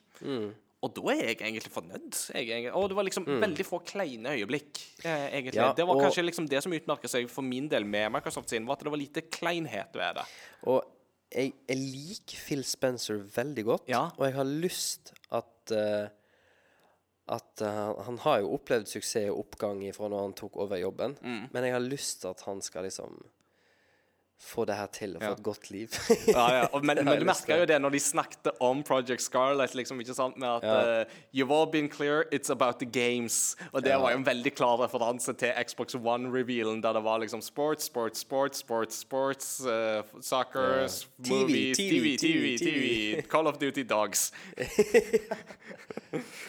Så uh, Microsoft har kommet en lang vei, for å si det sånn. Så det blir spennende. Mm. Men for å gå fra topp til bånn, så går vi nå videre til neste konferanse, som da er Betesta sin. Ja. Og det, for min del i alle fall, jeg vil si det allerede nå, det tror jeg var den verste konferansen jeg har sett i år, og egentlig kanskje på lenge. Uh, for Ja. meg så gir det, en, for å ta kortversjonen allerede nå uh, Overentusiastisk publikum som jubler og klapper og uh, for absolutt alt. Uh, Toppa med at de egentlig ikke hadde så veldig masse å vise fram, så får meg til å stille litt spørsmålstegn ved Fortjener egentlig Betesta så stor plass på E E3? Jeg tror egentlig Bethesda er De er på en måte De er såpass små at det tar lang tid mellom de store tingene og egentlig de ordentlige tingene, holdt jeg Ja. på å si. Eh, men da, når de først releaser, så har de jo en track record som slår rekorder på rekorder. De har det, Eh, men konferansen var dessverre eh, Ja. konfer Altså, denne konferansen viste for meg hvorfor vanlige publikummere kanskje ikke bør ha så mye adgang til liksom, de store pressekonferansene på E3. For at når du slipper de løs, så er det noen som har en tendens å ta litt vel av. Ja, men, men uh, jeg, har, jeg har hørt flere liksom, forskjellige versjoner av det der. Og, og for det som òg er vanlig, er jo at det sitter ansatte Ja. fremst, og de liksom eh, leder litt sånn an applausen. Mm. Og da, trust me, de gjorde det i alle konferansene. Ja, ja. Men her så ble det ekstra tydelig for at det var litt sånn halvveis upopulære ting som ble vist fram, men med jubel fra enkelte. Men eh, det viser seg at det var jo ikke Den gangen her så var det faktisk ikke ansatte, men det var folk ifra Fallout 76 er jo kanskje det vi sikter mest til her, da. ja, ja. Ifra Fallout 76-communityet, som liker spillet veldig godt. Mm. Som kom på E3 og fikk eh, plass helt framme. Mm. Om det da er at eh, Bethesda vil liksom si takk, Mm. eller om det er at Bethesda vil bruke det. Da kan en diskutere litt, Ja. på en måte. Ja. Men, eh, men, men de som satt der og jubla, de mente det, da. ja. Og det ligger et eller annet fint i det. Det gjør jo det. Også, men, men, Men det er veldig forstyrrende. Er det et sånn Ja, men også er det òg den kontrasten, da. Ja. Med at Fallout 76, det her har vi snakket om tidligere i podkasten, har jo hatt en heidundrende uh, historie så langt. Mm. At det er da det blir jubla veldig ja. heftig på. Hmm. Når det er Doom Eternal, og vi skal gå gjennom det her nå Ja, ja. etterpå, så er den, da skjønner en at folk jubler. Men Ja det er den kontrasten som får uh, bli litt sånn rar, kanskje. Ja, absolutt. Uh, la oss gå ta litt sånn kjapt igjennom, da. Uh, Mm. De viste fram The Elder Scrolls Blades, som nå kommer på Switch. Ja. Som er jo dette her mobilspillet, er det vel egentlig. Ja. Så OK, greit. Det får en Switch-versjon. Det er nå så. Så snakket de masse om Fallout 76. Eh, noe som jo fikk veldig mye jubel fra mm, publikum, var at eh, nå skal Fallout 76 få non-playable characters Ja. i seg. Og så var det liksom et moment man applauderte masse over. Og for meg så var det sånn Ja, men hæ? Burde ikke det vært i spillet fra begynnelsen av? Ja, uh, i, i intervjuer sånn så har Todd Howard sagt at liksom, hvis det var én ting han kunne gjøre omvendt, så hadde de venta med release. For han er i Han er jo egentlig enig, og han har jo ikke sittet som Nei. direktør på det greiene her.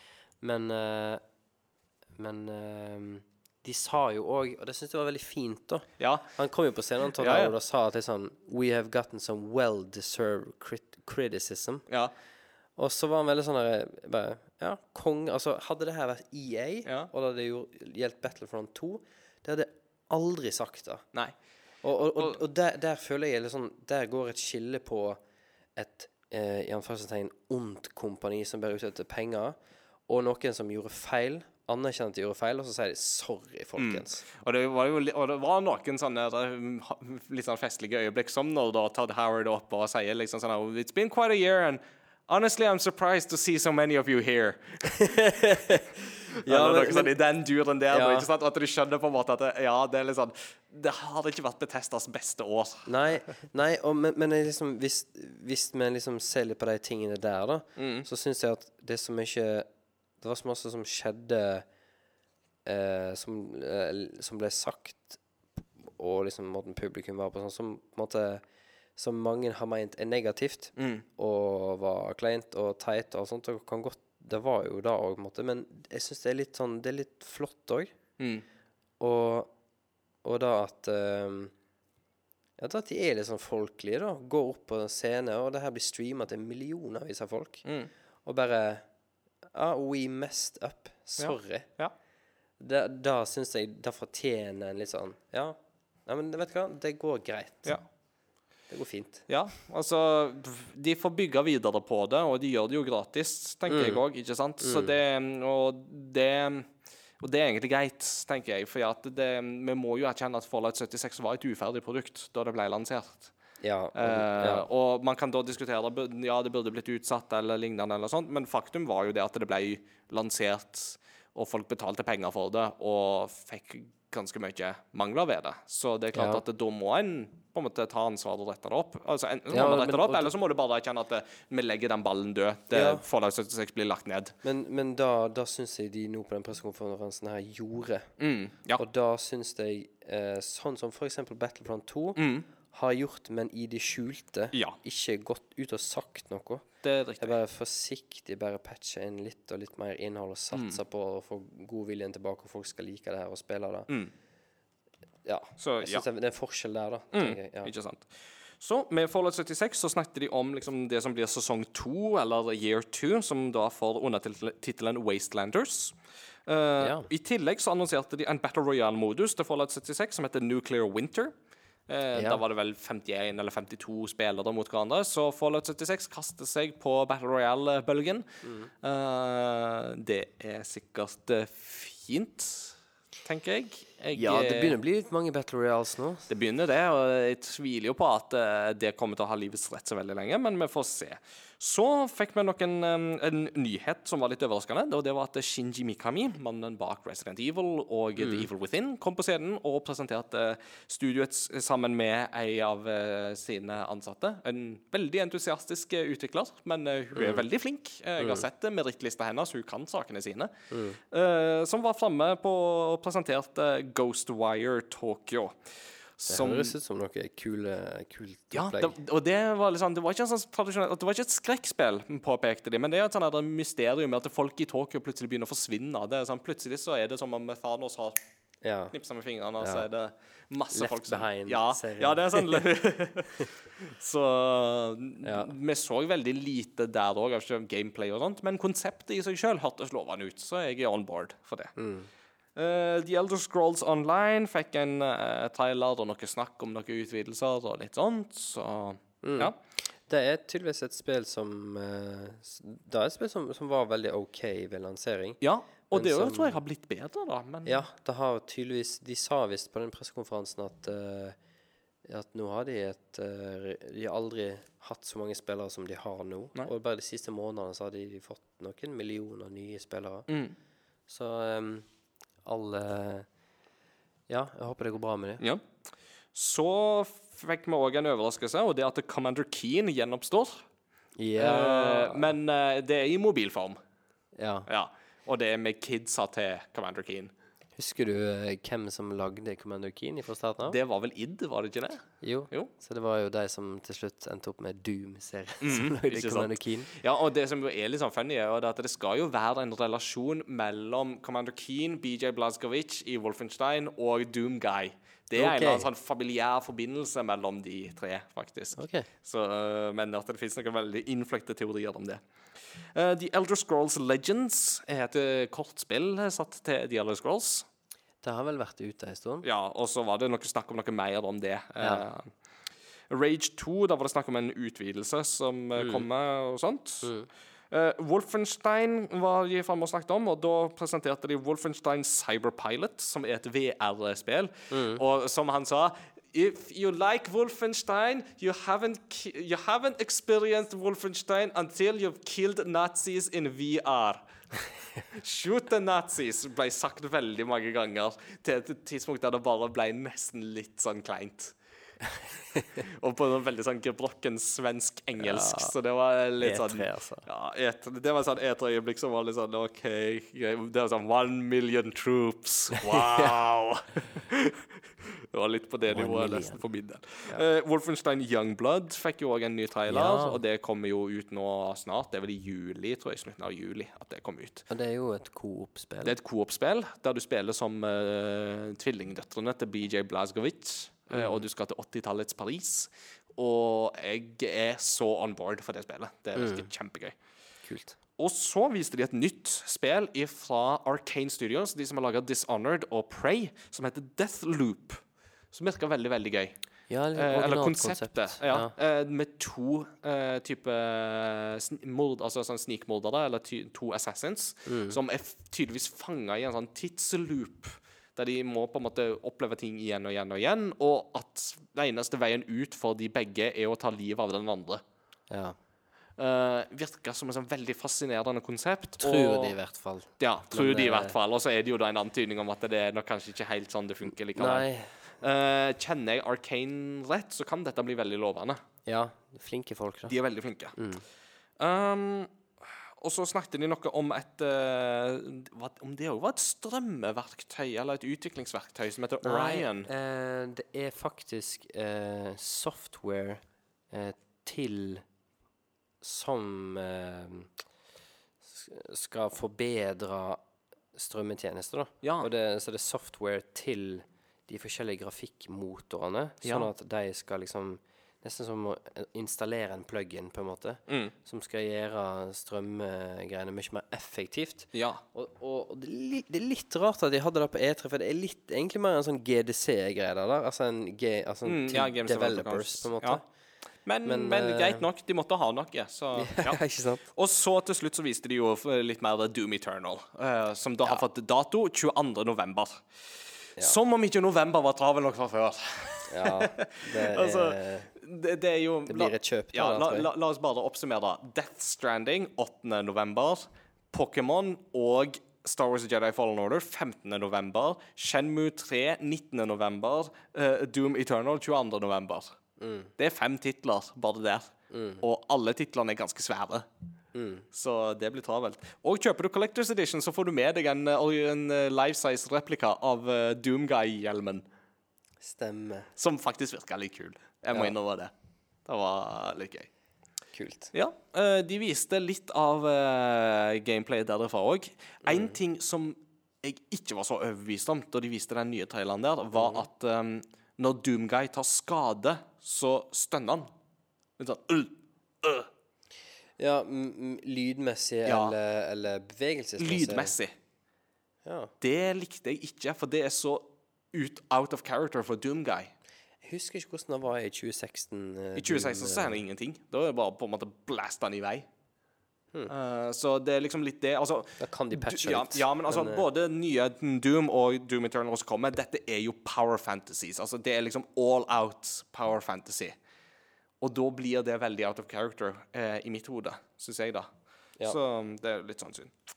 Skjønner. Så det var Bethesda sin. En uh, veldig um, langdryg affære, tror jeg vi må Ja, kalle det. men d- d- denne Vi visste på en måte at denne kom til å bli litt sånn sketchy pga. Fallout 76. Ja. Men jeg, jeg syns de løste det riktig, da. Mm. Uh, hvis vi Ja. Mm. Men uh, det ble litt slitsomt med folk som skulle wooe for absolutt alt. Ja, sånn det var når fansen blir satt på fister. rad. Ja, det du. det var sånn. OK, det, ikke gjør det. Ja. Så det, imellom der så fikk vi en liten kjapp eh, sak fra Devolver Digital, som eh, er et sånt uh, lite Altså, de konsentrerer seg litt mer om sånn indiespill og litt sånne ting. Eh, og Veldig kreativ. ja, altså, OK.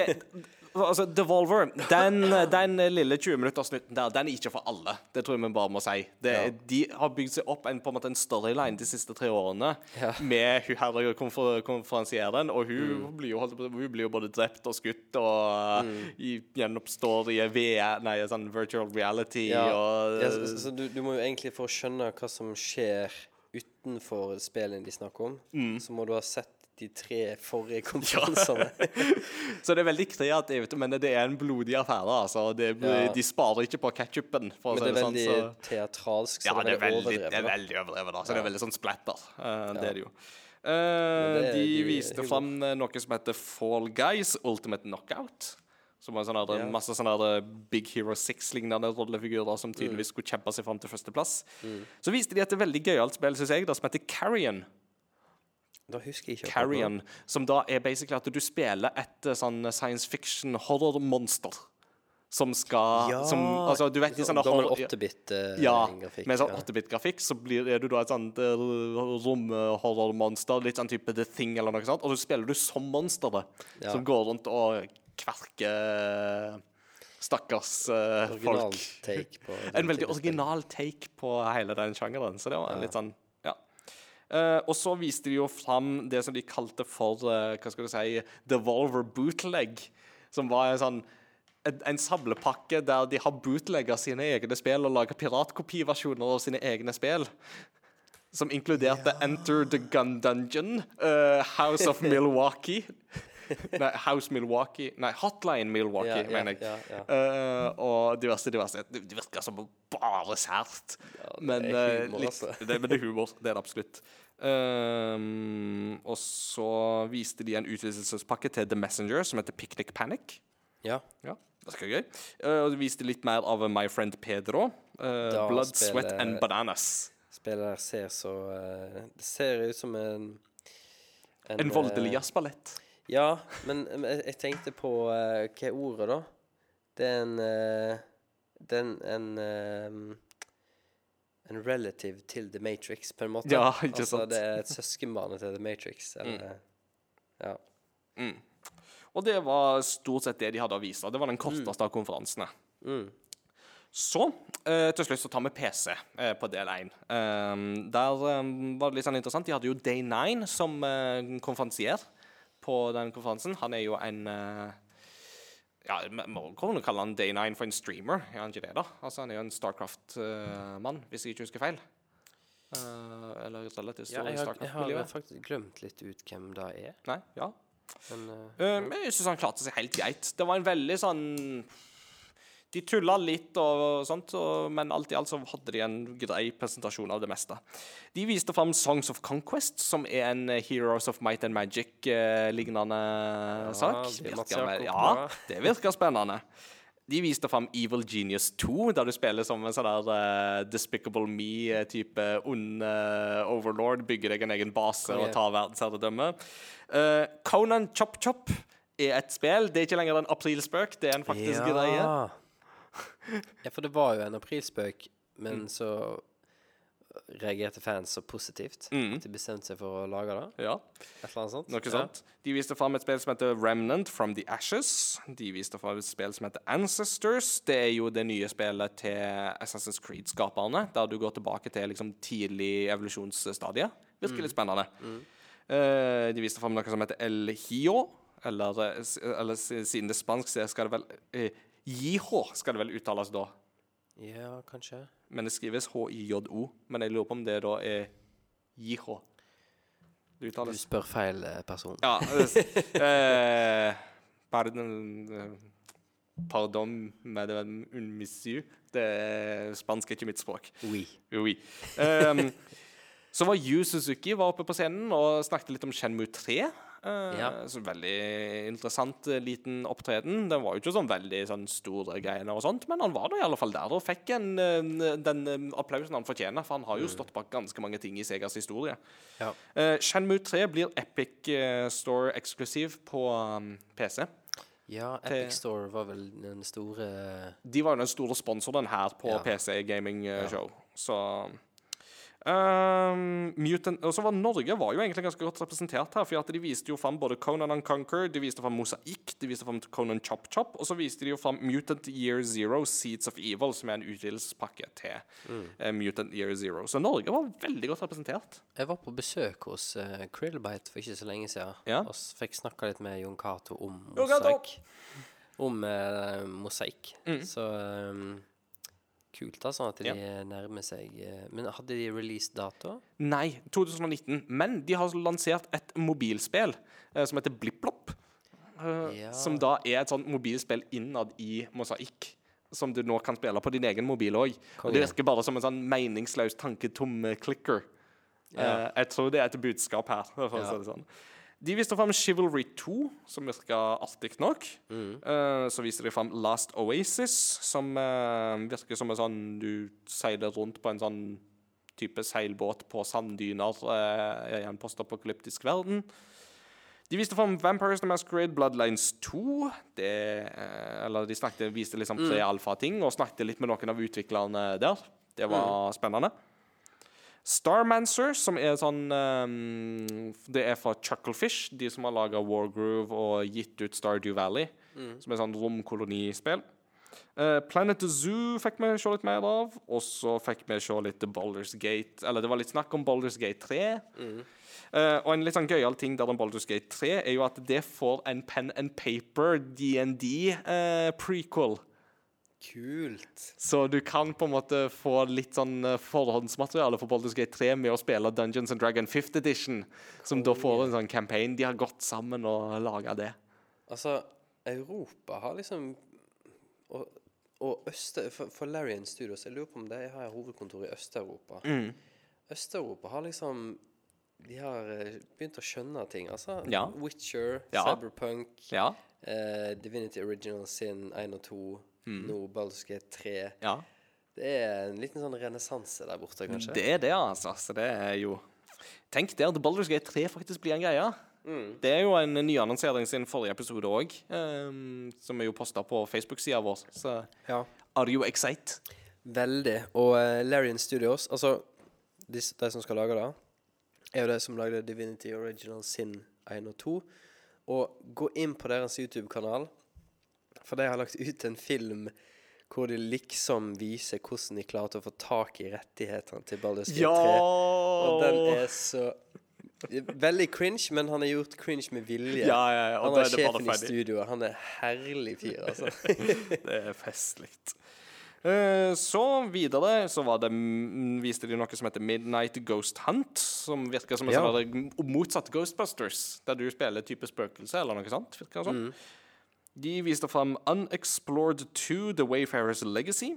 De viste fram Conan Conquer, det har jeg jo snakket om. Moons of Madness, Age of Wonders, Planetfall viste de. Det var med laser, laser dinosaurs. Uh, no laser cats. Konge. Cats, nei, dinosaurs with lasers, but no cats with lasers. Det var liksom sånt. But, or maybe is there, we don't know. Uh, There is no cow level. så viste de fram Zombie Army Dead War 4, en, eh, CG-trailer til det. Um, Griftlands, de viste fram uh, Vermintide Versus, som er en sånn PVP-modus til Vermintide 2. Ja. Uh, per Aspera, som jeg ikke helt husker hva er i farten. Så var det masse Borderlands 3-snakk. Eh, Og det som var veldig gøy der, var at eh, de kjørte jo en sånn eh, Underveis under denne konferansen så var det jo sånn at folk kunne tweete ting og liksom bruke sosiale medier. Og da fikk, kunne de òg sende inn spørsmål. Um, så det var liksom sånn I starten av PC-konferansen så sa de det at send inn deres Borderlands 3-spørsmål. Og så tok de de med en av disse sjefsutviklerne i Borderlands 3. Med han av Randy Pitchford. Nei, ikke med Pitchford, takk og lov. Men, Men, eh, For han var til stede på en annen scene gjennom, i, på E3, skjønner Ja. men eh, ble, det ble ikke stilt noen spørsmål om han som person? Nei, nei, nei. Jeg tror de valgte veldig ut hva spørsmål som ble tatt. Ja. Men det var sånn som for eksempel, hva er level capen? Det tror jeg var level 50. Uh, kan du switche våpen mellom spillerne? Ja, det kan du absolutt. Uh, vil den og den dukke opp? Så var det sånn Ja, kanskje, kanskje ikke. Vi får se. Så det var sånn Ehm, Jeg er jo dessverre ikke så inne i Borderlands, så for de som er inne i det, så kan det jo være interessant å klikke seg inn på den delen av PC Gaming Show og, og, og, og se det. Um, Solar Ash Kingdom ble vist fram. The Pathless ble vist fram. Untitled Goose Game. Uh, Phantom Brigade. Uh, Atom Crops. What the Golf. Auto Chess. Chris Tales. eh, Valfaris. Um, og så kommer vi jo til et fint lite høydepunkt. Maneater. Uh, it's, like it's like Grand Theft Auto, but you're a shark. Men ble ikke det vist i fjor? Det ble vist i fjor litt, grann, og fikk vi se bitte litt mer. Og vi fikk en sånn Det kommer i løpet av det neste året. It's like Grant has Auto about you're a shark. Da forventer jeg en ganske bra story om uh, mitt livs krise. Og uh, at du kan uh, hoppe inn i biler eller båter eller Ja, ja. kjøre deg. Og... Du, du kan iallfall hoppe om bord på båter og glefse til deg de som er om bord på båtene. Det tror jeg er ganske indikert at du kan gjøre. Hva var det han mente når han sa det, vet du det? Nei, altså jeg tror det bare mente at det var liksom stor, omfattende verden, og at det er liksom mange ting som du kan svømme rundt og spise og herje med og sånt. Hva er, hva er Grand Theft Auto med det? Den store, åpne verdenen, tenker jeg. Ja, Um, alle fans av Terraria fikk seg en liten sånn fin uh, sak. Ja. Eh, Terraria Journey's End. Um, og så fikk vi se Telling Lies, litt grann, som er fra skaperen av Her Story. ja, stemmer. Eh, fire folk som snakker om forskjellige ting, og så er det live eh, videoklipp, og så må du sette det sammen til en historie da, om hvordan en løgn ødelegger livet til disse fire. og sånt. Virker interessant. Eh, Warframe Empyrean. Yeah. Det er jo noe for deg, vet du. Og så viste de til slutt òg noe som heter Genesis Noir, som var visst en sånn kreativ liten sak der du spiller deg gjennom Big Bang fra begynnelse til slutt. Oi, Um, interessant. Yes. Og det var PC Gaming Show. Det, det var masse ting å vise Ja, der òg. Og det ja. var litt sånn Det var liksom ikke så på en måte karismatisk og momentumsaktig som Microsoft sin, men det var i alle fall mindre cringeworthy worthy enn eh, Bethesda sin, så Ja, det er jo sånn som PC er, så er jo akkurat det showet der litt mer sånn åpent marked, føles det ut som, kanskje. ja. Og ikke så regissert uh, nødvendigvis. eh. Ja, altså, regien var stram og sånt, og det var Jo, veldig jo, men, tydelig men, det, men hvem er det som sitter med regien, på en måte, da? Altså, det er jo mye tydeligere eh, føring av ting eh, hos både Nintendo, Microsoft og alle disse utgiverne og sånn. Ja, det er, det, det er sånn. Absolutt. At på PC Gaming Show så kan en kanskje kjøpe seg en spot. Mm, det tror jeg nok at han kan. Kanskje vi kan høre med Jon Cato en gang? De Yes. Det hadde vært en idé. Når, når han en vakker dag er gjest. Jon Cato, hvis du hører på, du er hjertelig velkommen til oss og snakke Snakk om, om- eh, mosaikk og Spill og de store spørsmålene i livet. Yes. Med det så tar vi en liten eh, pause, og så tar vi mm, Ubisoft, Square Enix og til slutt Nintendo etter pausen. Yeah.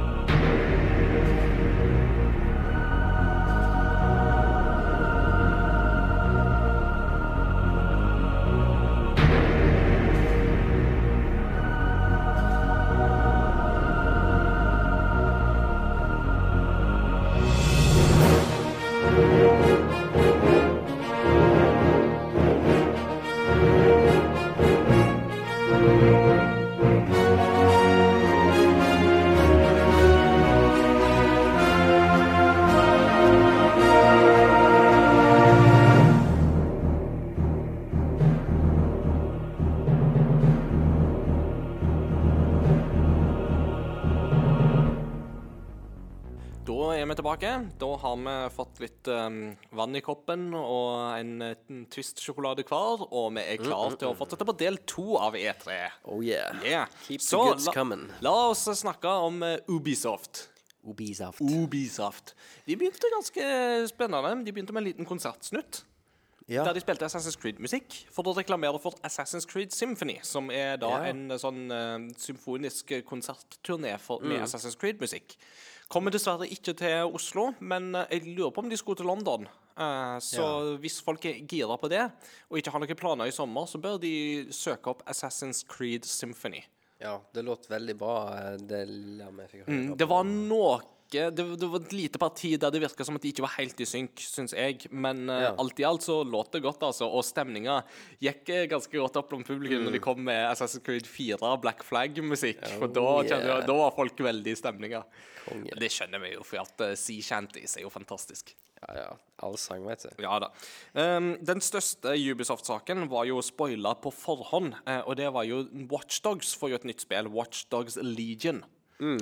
Konseptet der er veldig spennende. Eh, det er jo satt til London etter brexit. og det er litt sånn Og takket være brexit så er alt gått helt på trynet. Liten uh, samfunnskritikk der. ja, ja. Så det er blitt en liten politistat der det er overvåkning og droner og checkpoints og sånt er hverdagen. Og så har det bygd seg opp en liten motstandsbevegelse. Og det som er taglinen her, er at du kan rekruttere ganske mange i spillet. Eller du, du, kan ikke rekruttere absolutt alle, tror jeg. Eller i teorien så kan du kanskje det, men det er ikke alle du vil ha behov for å rekruttere. Nei. Men det er sånn at du kan gå på gata og så bare sånn Oi, han er spesialist på droner. Å, la oss rekruttere han eh, med på dette her. Um, men så virker det òg som at disse forskjellige rollefigurene har permadeath. Altså at hvis de dør i spillet, så er de døde for godt. Ja. Og da går du over til å spille en annen rollefigur. Og det viste de jo på et veldig elegant vis, med at først så spilte du en sånn eh, skalla, hvit mann, noe og 40, som så, så, typisk sånn engelsk sånn Oi, what you doing, mate? Mm. veldig sånn eh, Fotballsupporter. ja, ja, ja. Veldig litt sånn hooligan. Og så blir han jaga av noen droner, og så etter en skuddutveksling så blir han dessverre drept. Og da switcher AI-en til denne motstandsbevegelsen som alle der tydeligvis har på mobiltelefonene sine. Da går den bare sånn OK, der var han liksom han. Da går vi over til neste. Og så gikk eh, traileren over til ei gammel dame på noe Ja. 70 som står og mater duer. Og da var det sånn der Ja, nå, øh, nå skal du ut og gjøre liksom det og det. Så kommer hun til New Scotland Yard, og så sender hun inn en sånn liten drone uh, inn gjennom en luftesjakt som zapper vaktene, og alt dette til melodien av Dovregubbens hall, så du har liksom en gammel assassin-bestemor.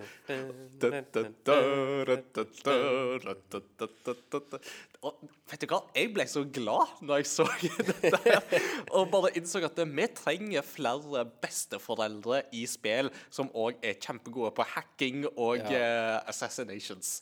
Ja. Ikke nødvendigvis det siste, da. Det er ikke alle spill som trenger det. Men i alle fall bestemøter som er kjempegode på hacking.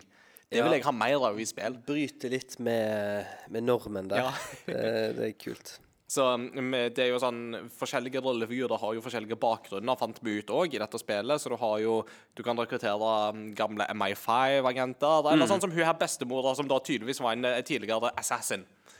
Ja. En tidligere snikmorder. Nå er jo noe og 70 og mate duer og ender og ja, Det er jo litt sånn heftig med tanke på cutscenes, for de må jo spille inn cutscenes med alle mulige eh, rek rekrutterbare karakterer. De må jo, det må jo være en eller annen form for begrensning her, tenker jeg. Altså, det, det må sikkert at liksom eh, Du må sikkert komme så og så langt i spillet for å kunne rekruttere den og den karakteren. Så derfor er, trenger ikke de spille inn cutscene tidligere i spillet med nødvendigvis den karakteren. Men hvis du har karaktergalleri på ti stykk, da, så Ja. kan det være at hvem av de ti kan egentlig teorien gå inn og ha den cutscene, for det er den du spiller som da. Mm.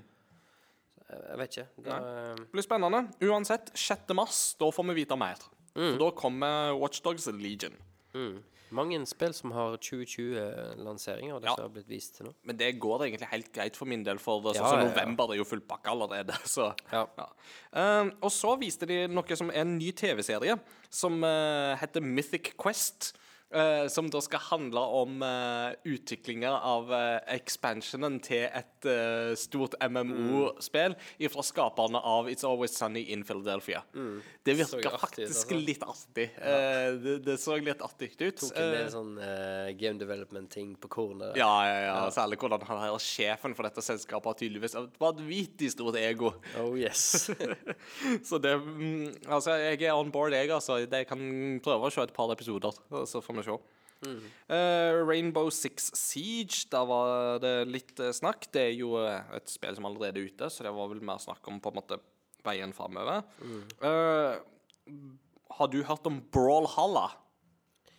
Uh, muligens, men jeg hadde glemt det ut. Ja, jeg hadde glemt det helt ut, men det får visst en uh, noen rollefigurer fra Adventure Time. Ja, stemmer. Så det hadde de en liten bit om. Så snakket de litt om Ghost Recon Breakpoint, som er det nye Ghost Recon-spillet. Og der kom jo han eh, John Berth...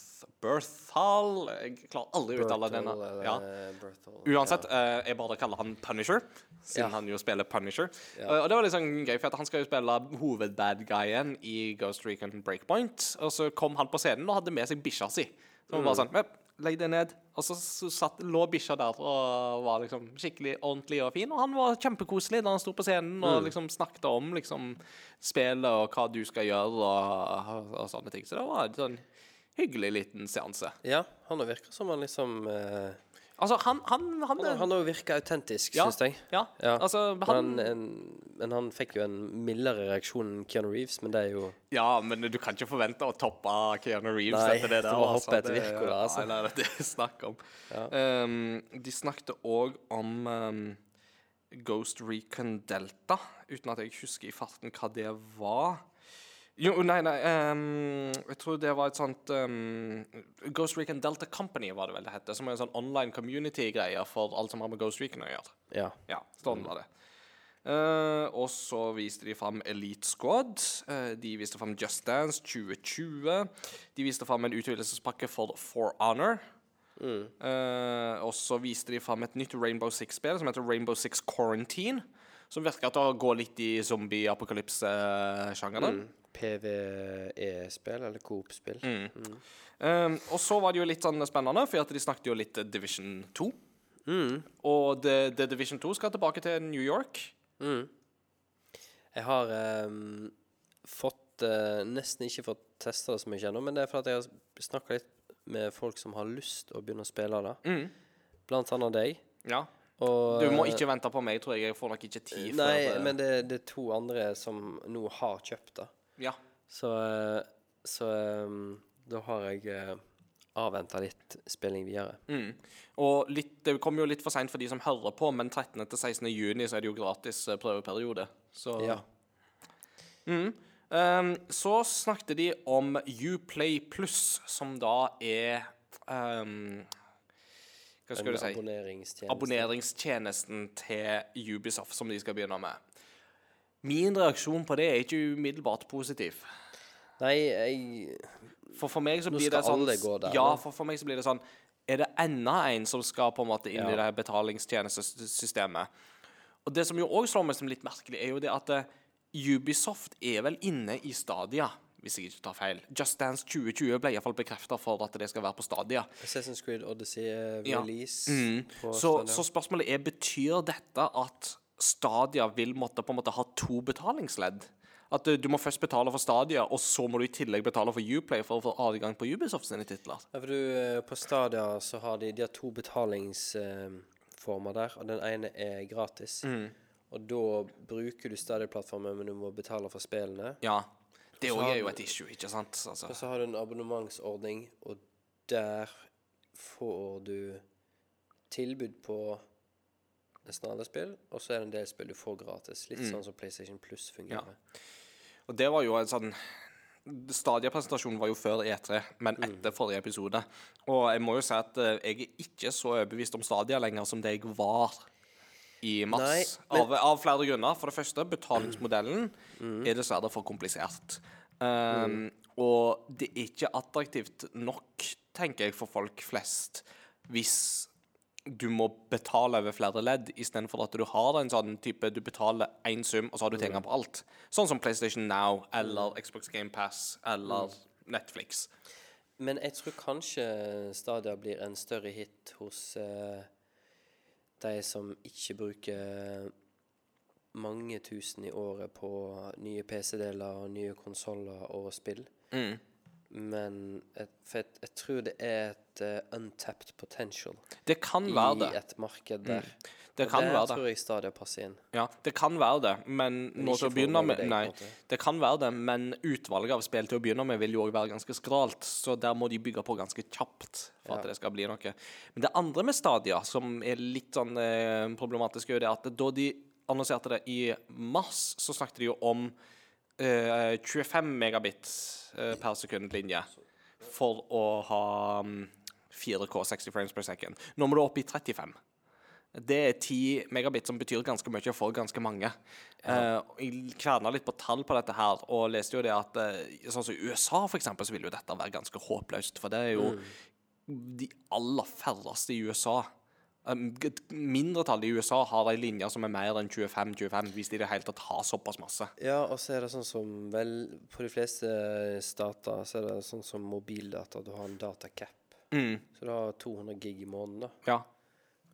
Så så er det klart at USA altså folk, Vi i Norge vi er jo ekstremt privilegerte når det gjelder dette med internettstruktur og infrastruktur. Vi har fantastisk bra infrastruktur når det gjelder internett her. Mm. Uh, USA er ikke der. Japan er ikke der. Uh, en store deler av Sør-Europa er ikke der. Uh, og Ja, da blir jo Japan- er jo der, men de har bare ikke så rask internett. Men de har jo internett Mm. overalt. Ja, ja. Men, det, men jeg mener det at men det å få 25 eller 35 Ja, i Japan òg, kjapt nok, det kan være problematisk, altså. Ja. Så det blir jo veldig spennende når Stadia en gang kommer, men jeg er ikke like um, entusiast og overbevist som det kanskje var da de først annonserte det. Eh, altså, Jeg syns det virka mer spennende før enn nå. Nå er jeg litt mer på tvilssida, men det er jo som du sier, ikke sant? Altså, for de som ikke investerer all verdens i hardware, så kan det være noe her. Det kan det. Men igjen, det krever jo at de har en internettkapasitet som funker sånn tålelig greit. ja Mm. Vi spurte litt av, uansett. Det var Ja. Uplay med U Uplay Plus vi snakket om her. Eh, abonnementstjenesten til Ubisoft, altså. Eh, de viste òg fram Roller Champions, som da er en kombinasjon av eh, Eller en slags sånn mm, Rocket League på rulleskøyter. Ja, men det er jo en sport som eh, Det er jo en faktisk sport som jeg ikke nå husker eh, hva heter, men som er en sånn der rulleskøytebane som går i ring. Roller Derby. Ja, er det det det heter? Det er et eller annet sånt som er det, Er ikke det da det egentlig tar utgangspunkt i? Det gjør kanskje det. Eller at det er den sporten? Jeg er usikker. Ja, det gjør kanskje det. men Ja. Jeg tror det er en sånn alfatestversjon ute nå som er gratis å prøve.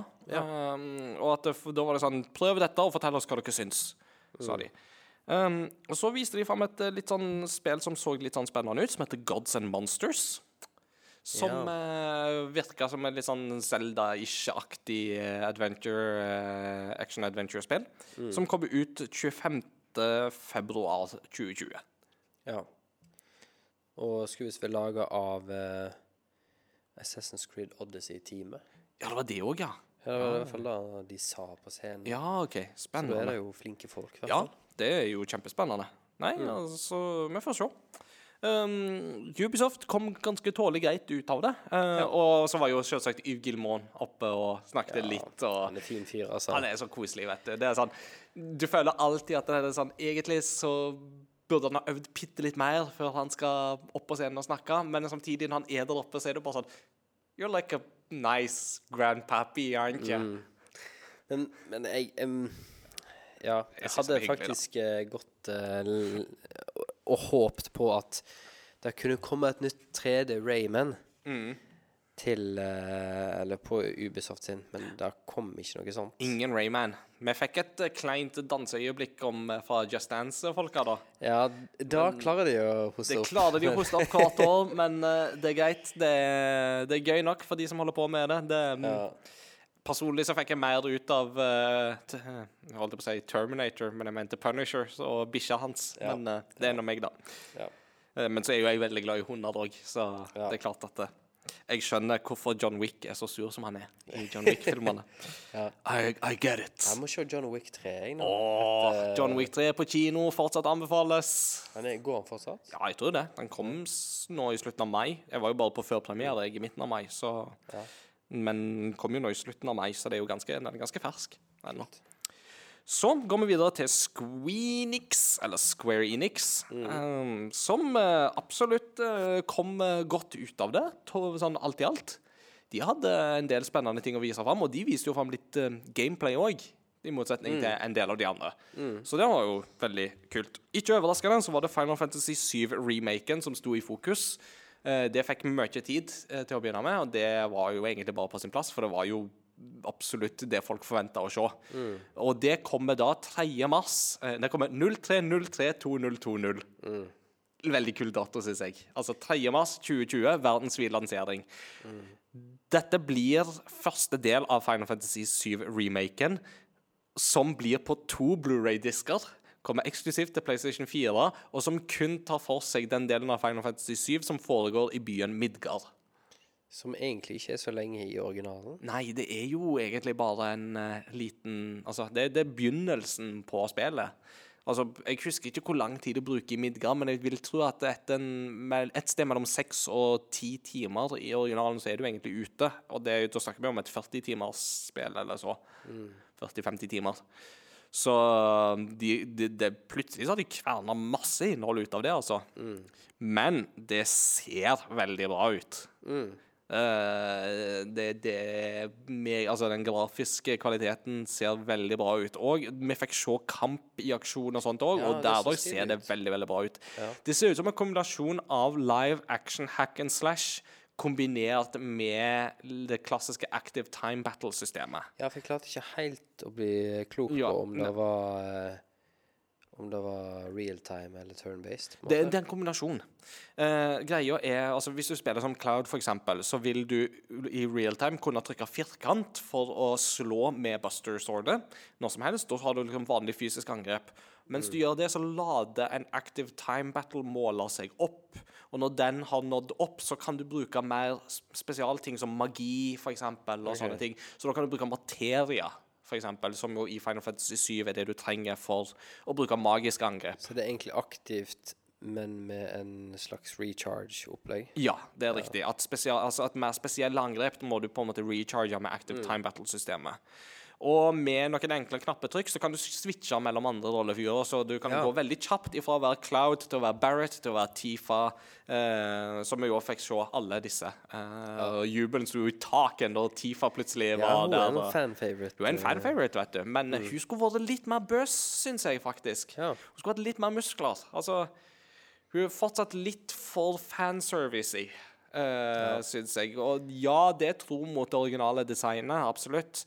Men altså, Tifa er jo en monk-class character. Altså, hun bruker jo fys... Altså, ja, altså, hun bruker knyttnevene sine. Hun burde hatt litt mer definerte muskler. og. De skulle tort det, altså. Syns jeg. Det, det hadde de klart uten at det hadde blitt på en måte ødeleggende for, for henne som rollefigur, eller ja. liksom at det, Ja. Så folk har fått en dato for Final Fantasy 7-remaken, og det ser veldig veldig lovende ut. Så, og musikken òg sto til gull, altså, det jeg hørte der. Det var noen kule ting de gjorde i den ene bosskampen, og sånt, og blanda de et par av temaene og sånt. Og jammen fikk vi se Sephiroth òg. Eh, lite ja, grann. ja, ja. En Så- liten eh, illusjon, eller hva det var. Ja, jeg tror det må være noe sånt. Ja.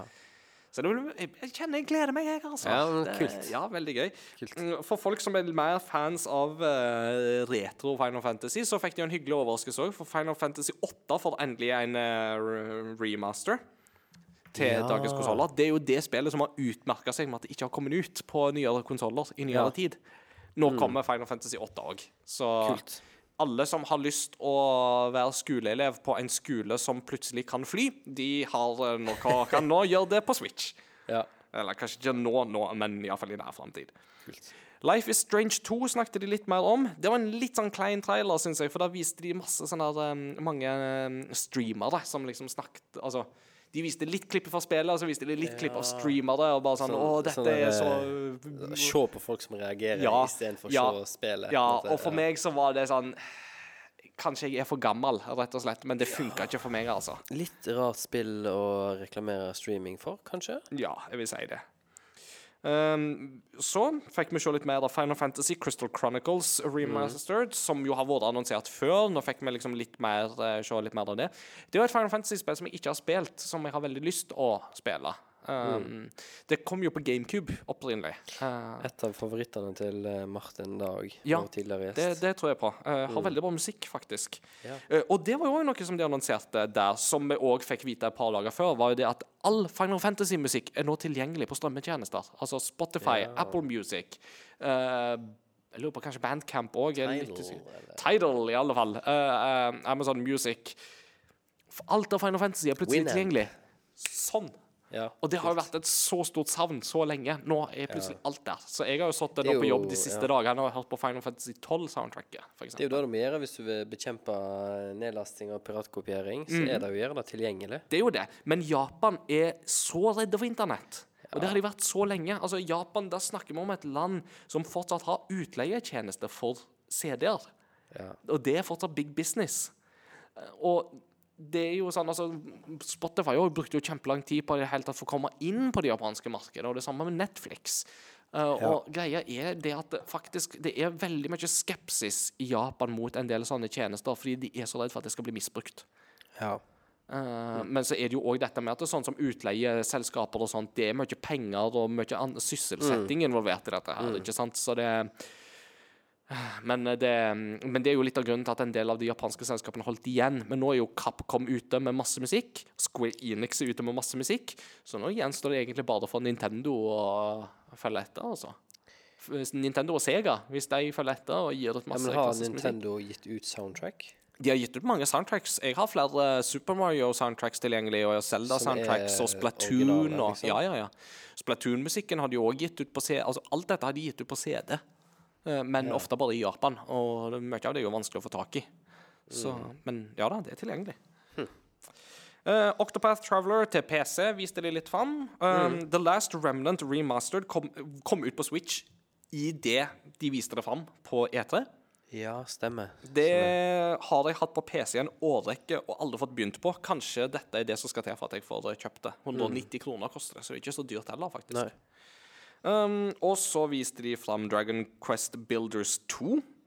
Um, på en ve med en veldig entusiastisk mann som fortalte i traileren var sånn You can build everything! Climb to the yeah. highest mountains! Var sånn, Han, eh, var, han var skuespiller, han. ja, ja, men altså, han, han, han gikk all in. Altså. Det var så festlig å høre på. Ja. Det virker veldig søtt og sjarmerende, det spillet. altså. Mm. Dragon Quest 11, uh, Echoes of an Illusive Age Definitive Edition S. Oh, that's a mouthful. That's a mouthful. Kommer jo til Switch i høst en gang. Um, og vi fikk se litt mer av det. Det virker, det virker litt kult, altså, for de har jo utvida storyen litt. Uh, litt bedre musikk. Og så i tillegg så virker det som at de har integrert litt av 3DS-spillet Dragon Quest 11 inn i Switch-versjonen. Ja. Fordi at opprinnelig så var det jo sånn at uh, Dragon Quest 11 kom vel ut til 3DS òg, tror jeg. Faktisk. Da veit ikke jeg. Jeg tror iallfall det, hvis jeg ikke blander fryktelig nå. Jo, jeg, jeg er ganske sikker på at det, Jo, jeg er ganske sikker på at det har vært et 3D-spill òg. Og det har vi jo aldri fått her i Vesten. Men det virker som at de integrerer en del av den funksjonaliteten inn i Switch-versjonen. Um, så blir det interessant å se. Men jeg tror nok at hvis du skal spille Dragon Quest 11, så ville jeg nok gått for Switch-versjonen, altså. Jeg spilte jo PlayStation-versjonen i fjor. Jeg likte det greit nok, men jeg hadde noen issues med det. Men jeg tror at det med eh, Switch-versjonen så får du en bedre opplevelse. Kult. Så var det, skal vi se, noe som het um, Skal vi se Circuit Superstars, som jeg ikke helt husker hva var i farten. Ja, det var sånn indie, jo, det var sånn indie-racingspill fra Mexico. Eh, Battalion 1944, Eastern Front. Kingdom Hearts 3 for DLC, som heter Remind. Eh, de viste fram en eh, trailer for Final Fantasy 14 Shadowbringers, som er en uh, utvidelsespakke som kommer nå. Kona mi er veldig gira på det. Og det som er veldig spennende, er jo at eh, noen av folka bak Near Automata er jo involvert i den ekspansjonen. Ja, Så det er jo kjempespennende. kult. Uh, Dying Light 2 viste de litt mer av, og så fikk vi vite at Romancing Saga 3 og Saga Scarlet Grace kommer ut på uh, nytt. Men eh, jeg har spørsmål. Ja. når, eh, når kommer returbillett 2? Returbillett 2. Nei, vet ikke det returbillett det heter? Det der eh, som jeg fant i Ja, Japan? ja, ja, ja, ja, ja, ja. Men det var ikke returbillett. Eh, Enkeltbillett. Enkeltbillett var det.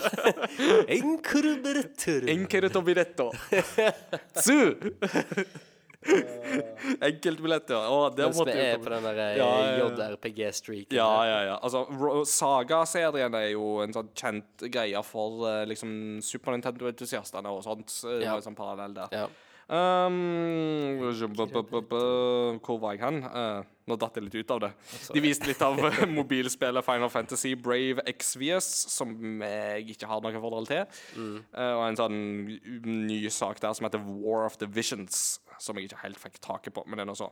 Mm. Outriders viste de. Um, Oninaki, som er det nye spillet fra Tokyo RPG Factory, de som sto bak I Am Setsuna og uh, Lost Sphere. Det kom i august. Uh, og så viste de Avengers. Ja. Lite grann. Um, uh, Ja. Jeg igjen, nå skal jeg være han kjipe, og jeg, jeg er generelt en positiv uh, og likende kar, håper jeg. you're a positive guy. Men uh, jeg syns det så litt sånn eh, litt dølt ut. ja, jeg er enig. Og og der, der jeg er Det som jeg ha, ha, trodde før E3 begynte, var at det er Crystal Dynamics som lager det. Mm. Og det er jo de som har stått for den der Tomb Raider-rebooten, Mm. eh, som har vært kjempebra. Ja. Så tenkte jeg ja, hvis de har liksom fått noen år på seg nå til å gjøre Avengers-spill, så må jo det bli fett. Mm. Og det så litt sånn eh, B-filmaktig ut, altså. Ja, altså, det så ikke så bra ut som jeg skulle ønske at det skulle være. altså. Det Nei. var noe med bevegelsene til en del av figurene som ikke Ja. fungerte. Altså, Dårlige animasjoner Ja. og ja, det var rett og slett ikke helt der det skulle være for min del heller. Nå blir jo dette sånn Games as a Service-type spill. Uh, det, ja. ja, så det blir jo med, i bane med Division og Anthem og sånne ting. Men ingen lootboxer og ingen eh, Nei. betalte ting etter at du har kjøpt spillet. Så Men jeg, jeg følte det var et Xbox 360-spill når jeg så det. ja, i alle fall et tidlig denne generasjons spill, kanskje. Ja. Jeg vil nok være litt spandabel å si det, da, for det var Ja, ja, nå, jeg har bare sett det der én gang, så det er bare førsteinntrykket jeg går på nå. Jeg, har Mm. Mm. ikke, jeg har ikke gått inn og studert, men ja. Og så for, for meg så var det òg litt uncanny valley å se at de har basert en del av designet på filmene, men Ikke stemmen ansiktene. Men ikke ansiktene, og ikke stemmene. Nei, men Og- liksom og- drakt og ja. alt mulig, men plutselig et annet ansikt. Ja. Og Og da ble det Da, ble, da, da skurra det veldig for meg, Ja. faktisk. Enig. Uh, jeg håper jo veldig at dette skal bli bra. Jeg har jo så lyst på et kjempebra Avengers-spill. Det hadde vært så gøy. Eh, Men enn så lenge så må jeg se litt mer før jeg er overbevist, altså. Og der var Square Enix. De hadde absolutt sitt å by på, de, altså. Og det var masse tid på scenen med Final Fantasy 7-folk og sånt, og stemningen var god, den, altså, blant uh, publikum og, Ja. og sånt. Så det var Ja, jeg må si at jeg likte det jeg så der. ja. Cool. Og så Da er tida kommet for den siste, og det er Nintendo Direct. Nintendo. Så eh, Nintendo var jo ikke på på en måte konferansen sånn som de har vært, liksom med på en måte eh, altså, det, det er jo mange år siden de var på E3-messen og hadde en liksom stor på scenen-presentasjon, men de har en sånn pa- direct-sending, så de kjører parallelt med E3.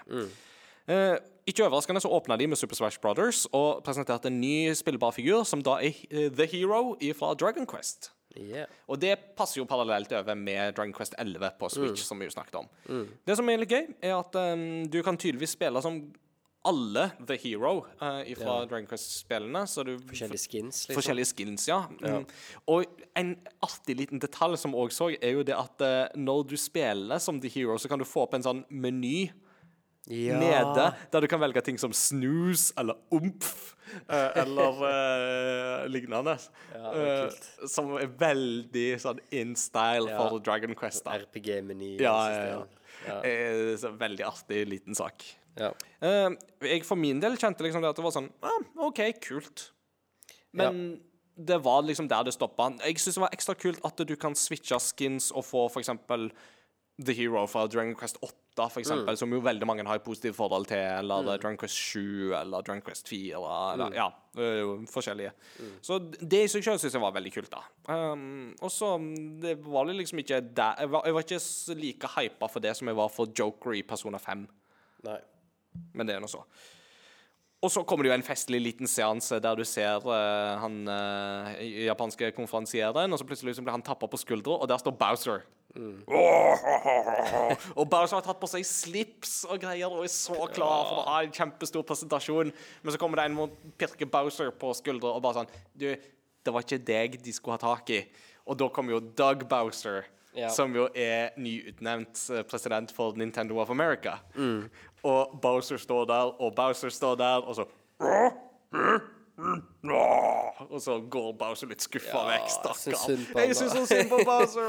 Første gangen jeg syns synd på Bowser. Ja, nesten. han hadde tatt på seg slips og greier. Han var så klar. Og så spør, og så spør de jo Are you guys related? No, but we get that a lot. Konge. Det er sånn akkurat så passe kleint som Nintendo kan få det til, men Ja. samtidig veldig sjarmerende. Så går de i gang. De viser fram Luigi's Mansion 3, som jo virker veldig artig, spør du meg. Eh, med mange nye funksjoner for støvsugeren. Du kan spille som Ja, Coop. Du kan spille som Guigi, som er en sånn god eh, versjon av Luigi. Og fortsatt har du den der "Ma- ma- ma- ma- Mario og masse sånne Dr. gøyale ting. Egad. Mm, Professor Egad. Professor, ja. Fant- Fantastiske navn. Um, og så er jo spørsmålet Har du noe kjennskap til denne TV-serien Dark Crystal. Ingenting. Nei, for det er jo en sånn Muppets-lignende serie med der Frank Oz, han som jo har stemmen til Yoda, uh, for eksempel, er jo veldig sentralt inne i Dark Crystal, som okay. får et eget Switch-spill. Som er Netflix-produsert? Ja. det?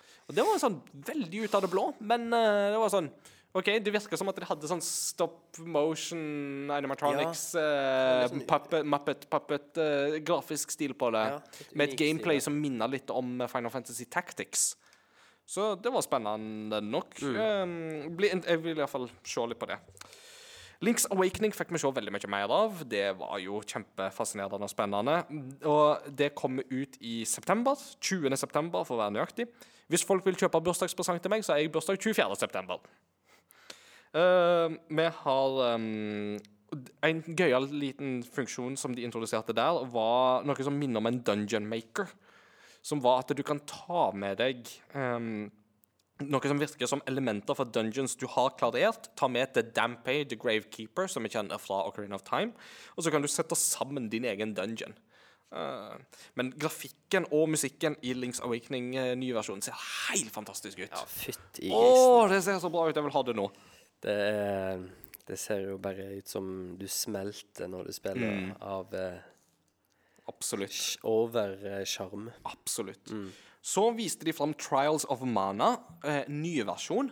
Ja. Som er jo, det er jo det tredje Mana-spillet som aldri har hatt en vestlig lansering, som nå får en ny versjon uh, i litt sånn samme stil som Secret of Mana, men dette ser enda bedre ut. Secret of Mana, nye versjonen, var jo ikke så bra, men dette ser veldig mye mer on the point ut.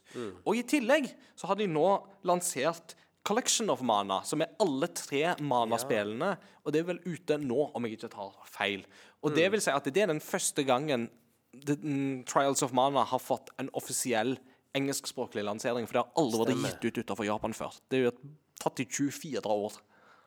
Men den samlepakken den har vært tilgjengelig på Switch i Japan helt siden Switch kom ut, så det var gøy det at det på en måte endelig kom hitover. Så skal vi til deg, Christian, for The Witcher 3 kommer på Switch. Vet du hva? Det var rykte om det her uh, før E3, Mm. og jeg tenkte nei. Altså, The Witcher sleit på den originale PlayStation 4. Mm. Du får ikke det til å kjøre på Switch. Men uh, Switcher Switcher. The kom, Switcher eh, 3. kom uh, Når var det skulle komme? Det sa de vel ikke. Det er bare at Nei. det kommer. Det Eh, er, det er jo ingen intet annet enn kjempeimponerende, da. Men de må nedskalere det ganske kraftig. 720P i dokt-modus og 540P når du har det med deg håndholdt, så det er veldig nedskalert.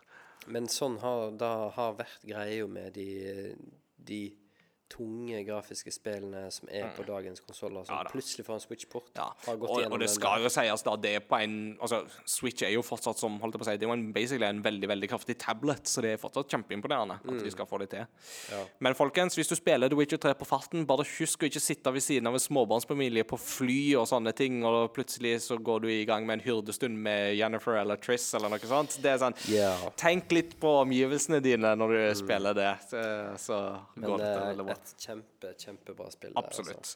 Eh, fort videre. Resident Evil 5 og 6 kommer på Switch. Uh, Fire Emblem Three Houses fikk vi se litt mer av. Det kom jo i uh, juli.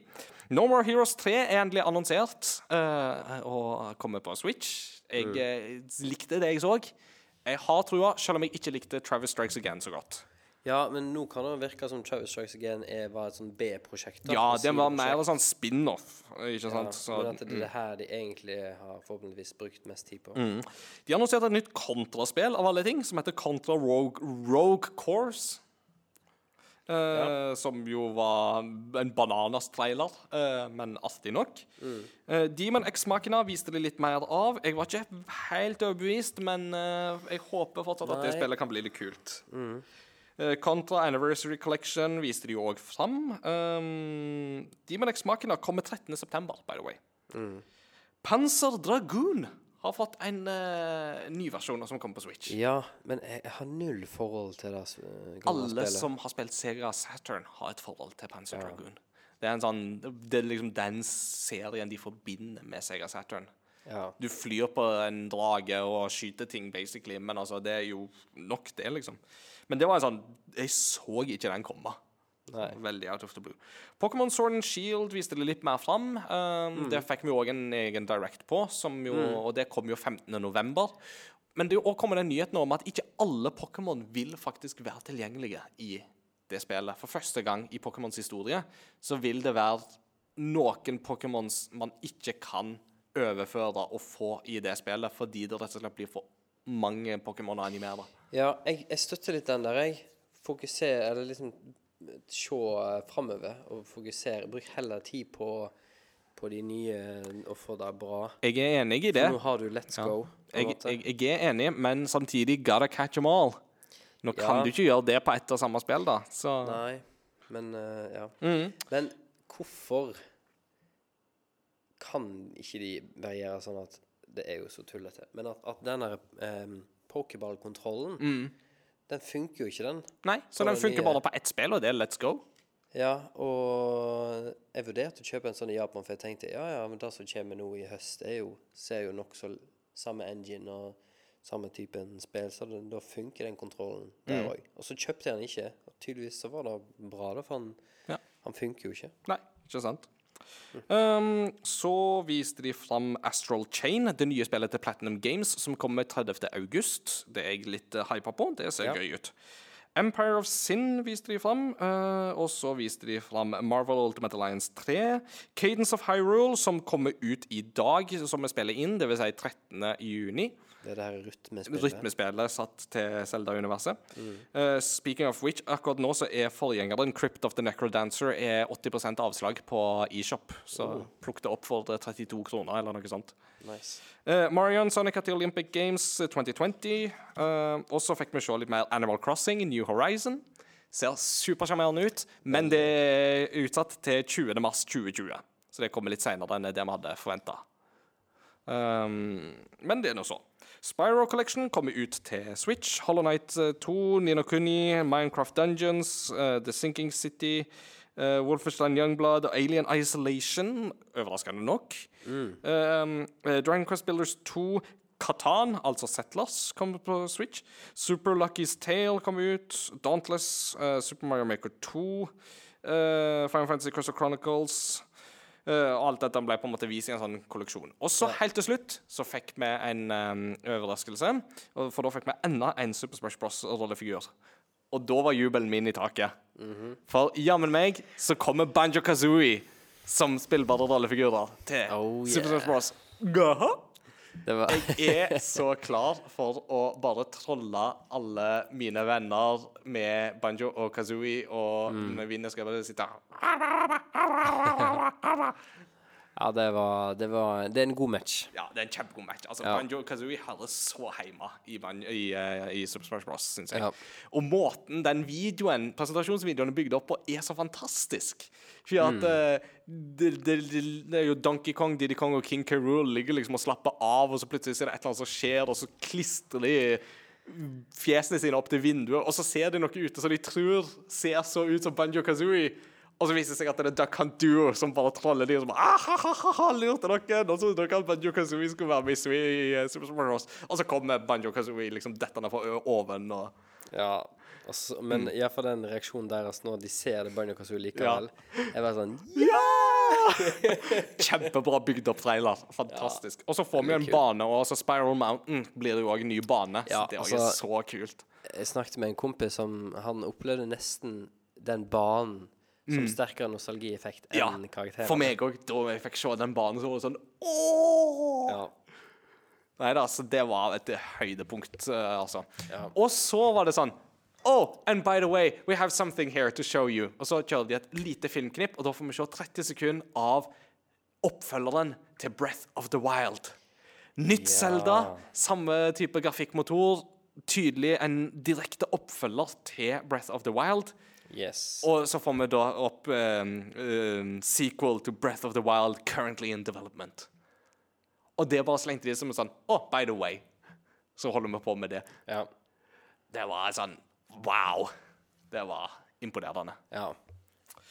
Så Nintendo kom tålelig greit ut av det, de òg. Eh, Veldig god konferanse. ja, absolutt. Du, Vi begynner å bli så seint på tid her at jeg tror vi må bare springe videre til lytterposten. det må vi, vet du. Det må vi. Kjør jingle. Let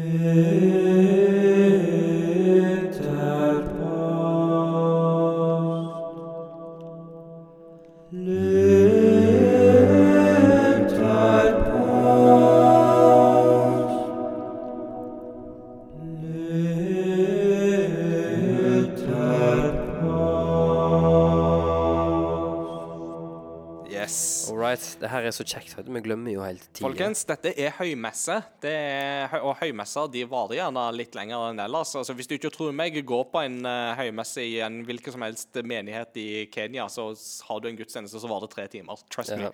Det, det er en fest.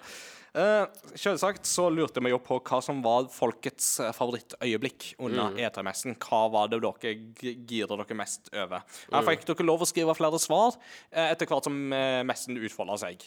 Mm. Eh, så vil du begynne på topp, så begynner jeg på vann. Ja, uh, det var en her som holdt på å miste sin uh, nå 20 episoder lange streak. Oi, oi, oi. Eller nei, hva blir det da?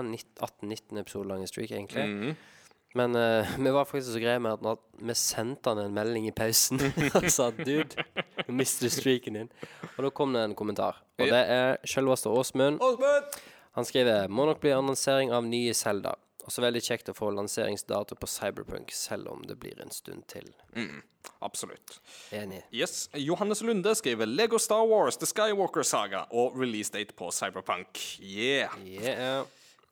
Andreas, han skriver Keanu var herlig. Han har på en måte vunnet E3 allerede. For min del var det egentlig troverdigheten jeg følte han utstrålte som virkelig var verdt å merke seg. Føler de fleste presentasjoner fort blir så voldsomt tilgjort eller overhypet. Keanu derimot, han tror jeg på. Og det er hans feil. Det er Well helt put. sant. Te, altså, presensen til Keanu Reeves Altså, den dagen Keanu Reeves bestemmer seg for å bli vekkelsespredikant i stedet Jeg kommer til å mm, bli med i den menigheten, jeg, altså. Han, han, the Church of the Keanu Reeves of Latter-day uh, Wicks. ja. Eh, Mats Hauge skrev eh, Terraria-traileren på PC Gaming Show. Terraria er et spill jeg stadig faller innom med jevne mellomrom. Og så skriver han en kommentar til seg sjøl igjen. Vet ikke om det er lov å legge til den nye legenden Watson i Apex Legends ble annonsert via EA Play samtidig som E3. Teknisk sett ikke E3, men uten tvil noe av det som hypet mest denne uken. Eh, og det, det, det går innafor. Altså, det var på den samme presentasjonen som der de viste Star Wars uh, Jedi Fallen Order. Jeg Ja. eh, girer på en ny mm. rollefigur i Apex, jeg, altså. Jeg spiller fortsatt Apex og koser meg med det, så Eirik, han skriver You're breathtaking. You're breathtaking, Eirik! Men når det kommer til nyhetene foreløpig, er det selvsagt Cyberpunk, The Skywalker Saga, Star Wars Jedi Fallen Order, 12 Minutes, The Outer Worlds, Ghostware Tokyo og Deathloop. I kveld slash natt blir fem til slengt på listen. Ja, dette var jo et ehm, Dette var vel etter første dagen da med Microsoft og Ja. Så han er jo eh, gira på ganske masse her, han. Ja han har hatt en fin E3. Ja da. Det var mye bra der. Eh, Mm. Gode greier, folkens. Takk for svarene deres. Vi setter kjempestor pris på at dere er med på å skrive på lytterpostene våre. Yes. Hvis du vil være med på å skrive der, så kan du gå inn på Facebook og finne Crossover Gaming på Facebook. Da kan du like sida vår, og da får du oppdateringer når vi legger ut lytterpost og andre spennende nyheter underveis. Da Ja. får du òg oppdatering for alle nye episoder som kommer ut. Og i den der eh, For uh, mange av dere opplever sikkert det samme som uh, ja, i hvert fall jeg opplever, kanskje du Inger opplever, at uh, den der newsfeeden på Facebook kan bli ganske sånn Rotete. Rotete og too much av og til. Men på disse sidene som du følger, så kan du hvis, Jeg lurer på om det er ved siden av det her følgetegnet, så kan du velge en sånn at, at den sida her prioriterer du. At den vil du lettere skal være synlig og ikke så fort bli rota vekk. da. Så det er jo mulig hvis du, eh, hvis du opplever at du ikke alltid får med deg eh, lytterposten, men helst ville ha svart. Ja, absolutt. Da har vi kommet til veis ende i høy, høymessen. Ja. Uh, Før vi kommer så langt at vi skal helt avslutte, så skal vi ha to liturgiske ledd til. Den første det er dagens kuriositet. Og Kristian, du hadde noe der. Ja, nå har jeg ikke hatt tid til å gjøre så masse research på akkurat hva årstall det her var. Uh, men eh, E3 Vi er ikke helt ferdig med E3 ennå. Nei, nei, nei. Eh, og jeg så et intervju uh, med eh, Jeg lurer på om det var rundt når Starcraft 2 skulle komme, uh, med noen Blizzard-ansatte. Og da snakket de om uh, E3, for det her må jo ha vært på 90-tallet. Mm. Når de, da hadde de gitt ut Warcraft 1 og Warcraft 2. Mm. Og så hadde de lyst til å lage en ny serie, et nytt spill. Så hadde de sittet en stund og jobba med noe som de liksom vil kalle for Starcraft. Tok det med på E3, og på den tida der så var det bare eh, journalister som var der, og developers. Og det var ikke like stort og massivt som det er i dag, men det var veldig viktig for spillutviklere. da. Mm. Det var der de kunne liksom vise fram spill og se om noen magasin var interessert i å skrive litt om spillet. og sånne Ja. ting. Og da fikk de så mange kommentarer på når de viste fram Starcraft, på en sånn liten eh, liten bod de hadde. At er sånn Å ja, å ja, ja, OK, det er Warcraft, men i space. Og så hadde jeg bare Nei, nei, det er ikke det. så, men de fikk så mange eh, identiske kommentarer, da. Og så ble de faktisk litt sånn lei seg og skuffa. Så gikk de hjem og så var de litt sånn sure. Så bare OK, nei, men tydeligvis har ikke vi brutt nok med Warcraft. Og så redesigna de ganske mye av grafikken og liksom utseendet til spillet og måten det spilte på. Så eh, Og endte opp med det som vi i dag kjenner som Starcraft. da. Oi. Så hvis det ikke hadde liksom vært for E3 Mm. Det er jo noen som har drevet snakk om nå at E3 Hva er vitsen med E3, eller E3 dør ut, det er ikke så viktig lenger. Men eh, E3 har hatt veldig masse å si for retningen spill har tatt. Det har det. Og det er sikkert flere utviklere som har en lignende historie. Ja. Og det, jeg, jeg tror på det. Jeg lurer på om det var mm, jeg lurer på om det var Rune i Level Up som nevnte på det med at eh, mm, bransjen har gått av en sånn årlig fesjå, der den bare på en måte har et samlingspunkt en gang i året, der den samles og mm, viser fram, og folk kan se og sånne ting. Som er på en måte en sånn en ting man på, på en måte forbinder litt sånn altså jul eller eh, bonde, altså Bondens marked-messe-type ting, liksom. Og så er det veldig bra, eh, tror jeg, for E3 sin uh, framtid at vi får sånn som det her Keanu Reeves-momentet. At vi får disse Breathtaking kjente- moments. Ja, ja, Da, da, da går det som en dans. Ja, det går som en dans! Der kom han. Der kom han. Vi glemmer ikke våre egne memes så lett. Nei. Men Nei. Uh, Ingar, du hadde et veldig fint eh, eh, forslag til et postludium som Ja. knytter det her veldig fint sammen. Jo, tusen takk. Eh, vi har jo vært innom eh, soundtracket til Banjo Kazooie før, og vi mm. gir ikke helt slipp på det, naturlig nok, med tanke på at Banjo Kazooie blir spillbare rollefigurer i Super Smash Bros. Da vil det jo bli masse av musikken derifra òg som blir tilgjengelig. Mm. Uh, og i den forbindelse så tenkte jeg at vi kunne streife innom det soundtracket igjen i dagens postludium. Vi har vært innom det før. Vi har hørt uh, Mad Monster Mansion, og vi har uh, hørt um, Nå husker jeg ikke helt hva annet eh, vi hadde hørt. Jo, det var denne jule... Ja, jule, ja, ja, ja, ja, riktig. Freezes Peak var det vi hadde hørt, ja. Riktig. Eh, I dag så tenkte jeg at vi skulle høre fra en av mine favorittverdener i spillet, nemlig Treasure Trove Cove. Som er en sånn eh, sjøbane Yeah. Altså det er den andre verdenen i eh, spillet. yeah. Der du annet møter på en sånn flodhestkaptein som har mista skatten sin under vann, og så er det en hai i vannet, og så er Så det raper når han snakker. ja, han sånn oh, det er så minneverdig spill. Åh, the memories, altså. Og så er det jo òg den verdenen der du lærer deg å fly med Banjo og Kazooie. For da får du bruke disse flyplattformene. Stemmer. Så, eh, av Grant Kirkhope, altså, og fra soundtracket Banjo Kazooie, 'Everything and the Kitchen Sink', som jo soundtracket heter, eh, så får vi da altså 'Treasure Trove Cove'. Right. Yes. Med det så takker vi for følget. Takk for tålmodigheten, for at dere satt og hørte på at vi ramsa opp nesten alle spill som ble presentert og vist fram på E3-messen. Det setter vi pris på. Vi kommer til å gå inn i litt sommermodus i ukene som kommer. Da blir det nok Ja. litt andre strukturer på episodene. Det er ikke Ja. helt avklart 100% hvordan ting blir, men Nei, vi satser på en ny episode om to ukers tid. Det gjør vi. Det må vi diskutere litt. Ja. Men uh, vi kommer i hvert fall med en eh, oppdatering i god tid på Facebook. Det gjør vi uansett. Ja. Så jeg skal, jeg skal ikke love altfor masse likevel, men uh, Nei, det er, vi har vært litt seint ute med å planlegge akkurat det der. Ja, Men men det, vi skal nok få en plan på plass Ja. der. Med det så takker vi for følget, og igjen, tips alle dere kjenner uh, som kan krype og gå og like spill, om oss. Mm. Vi snakkes ved neste korsvei. Ha det bra. Mattane Bye, bye. You're breathtaking! You're breathtaking.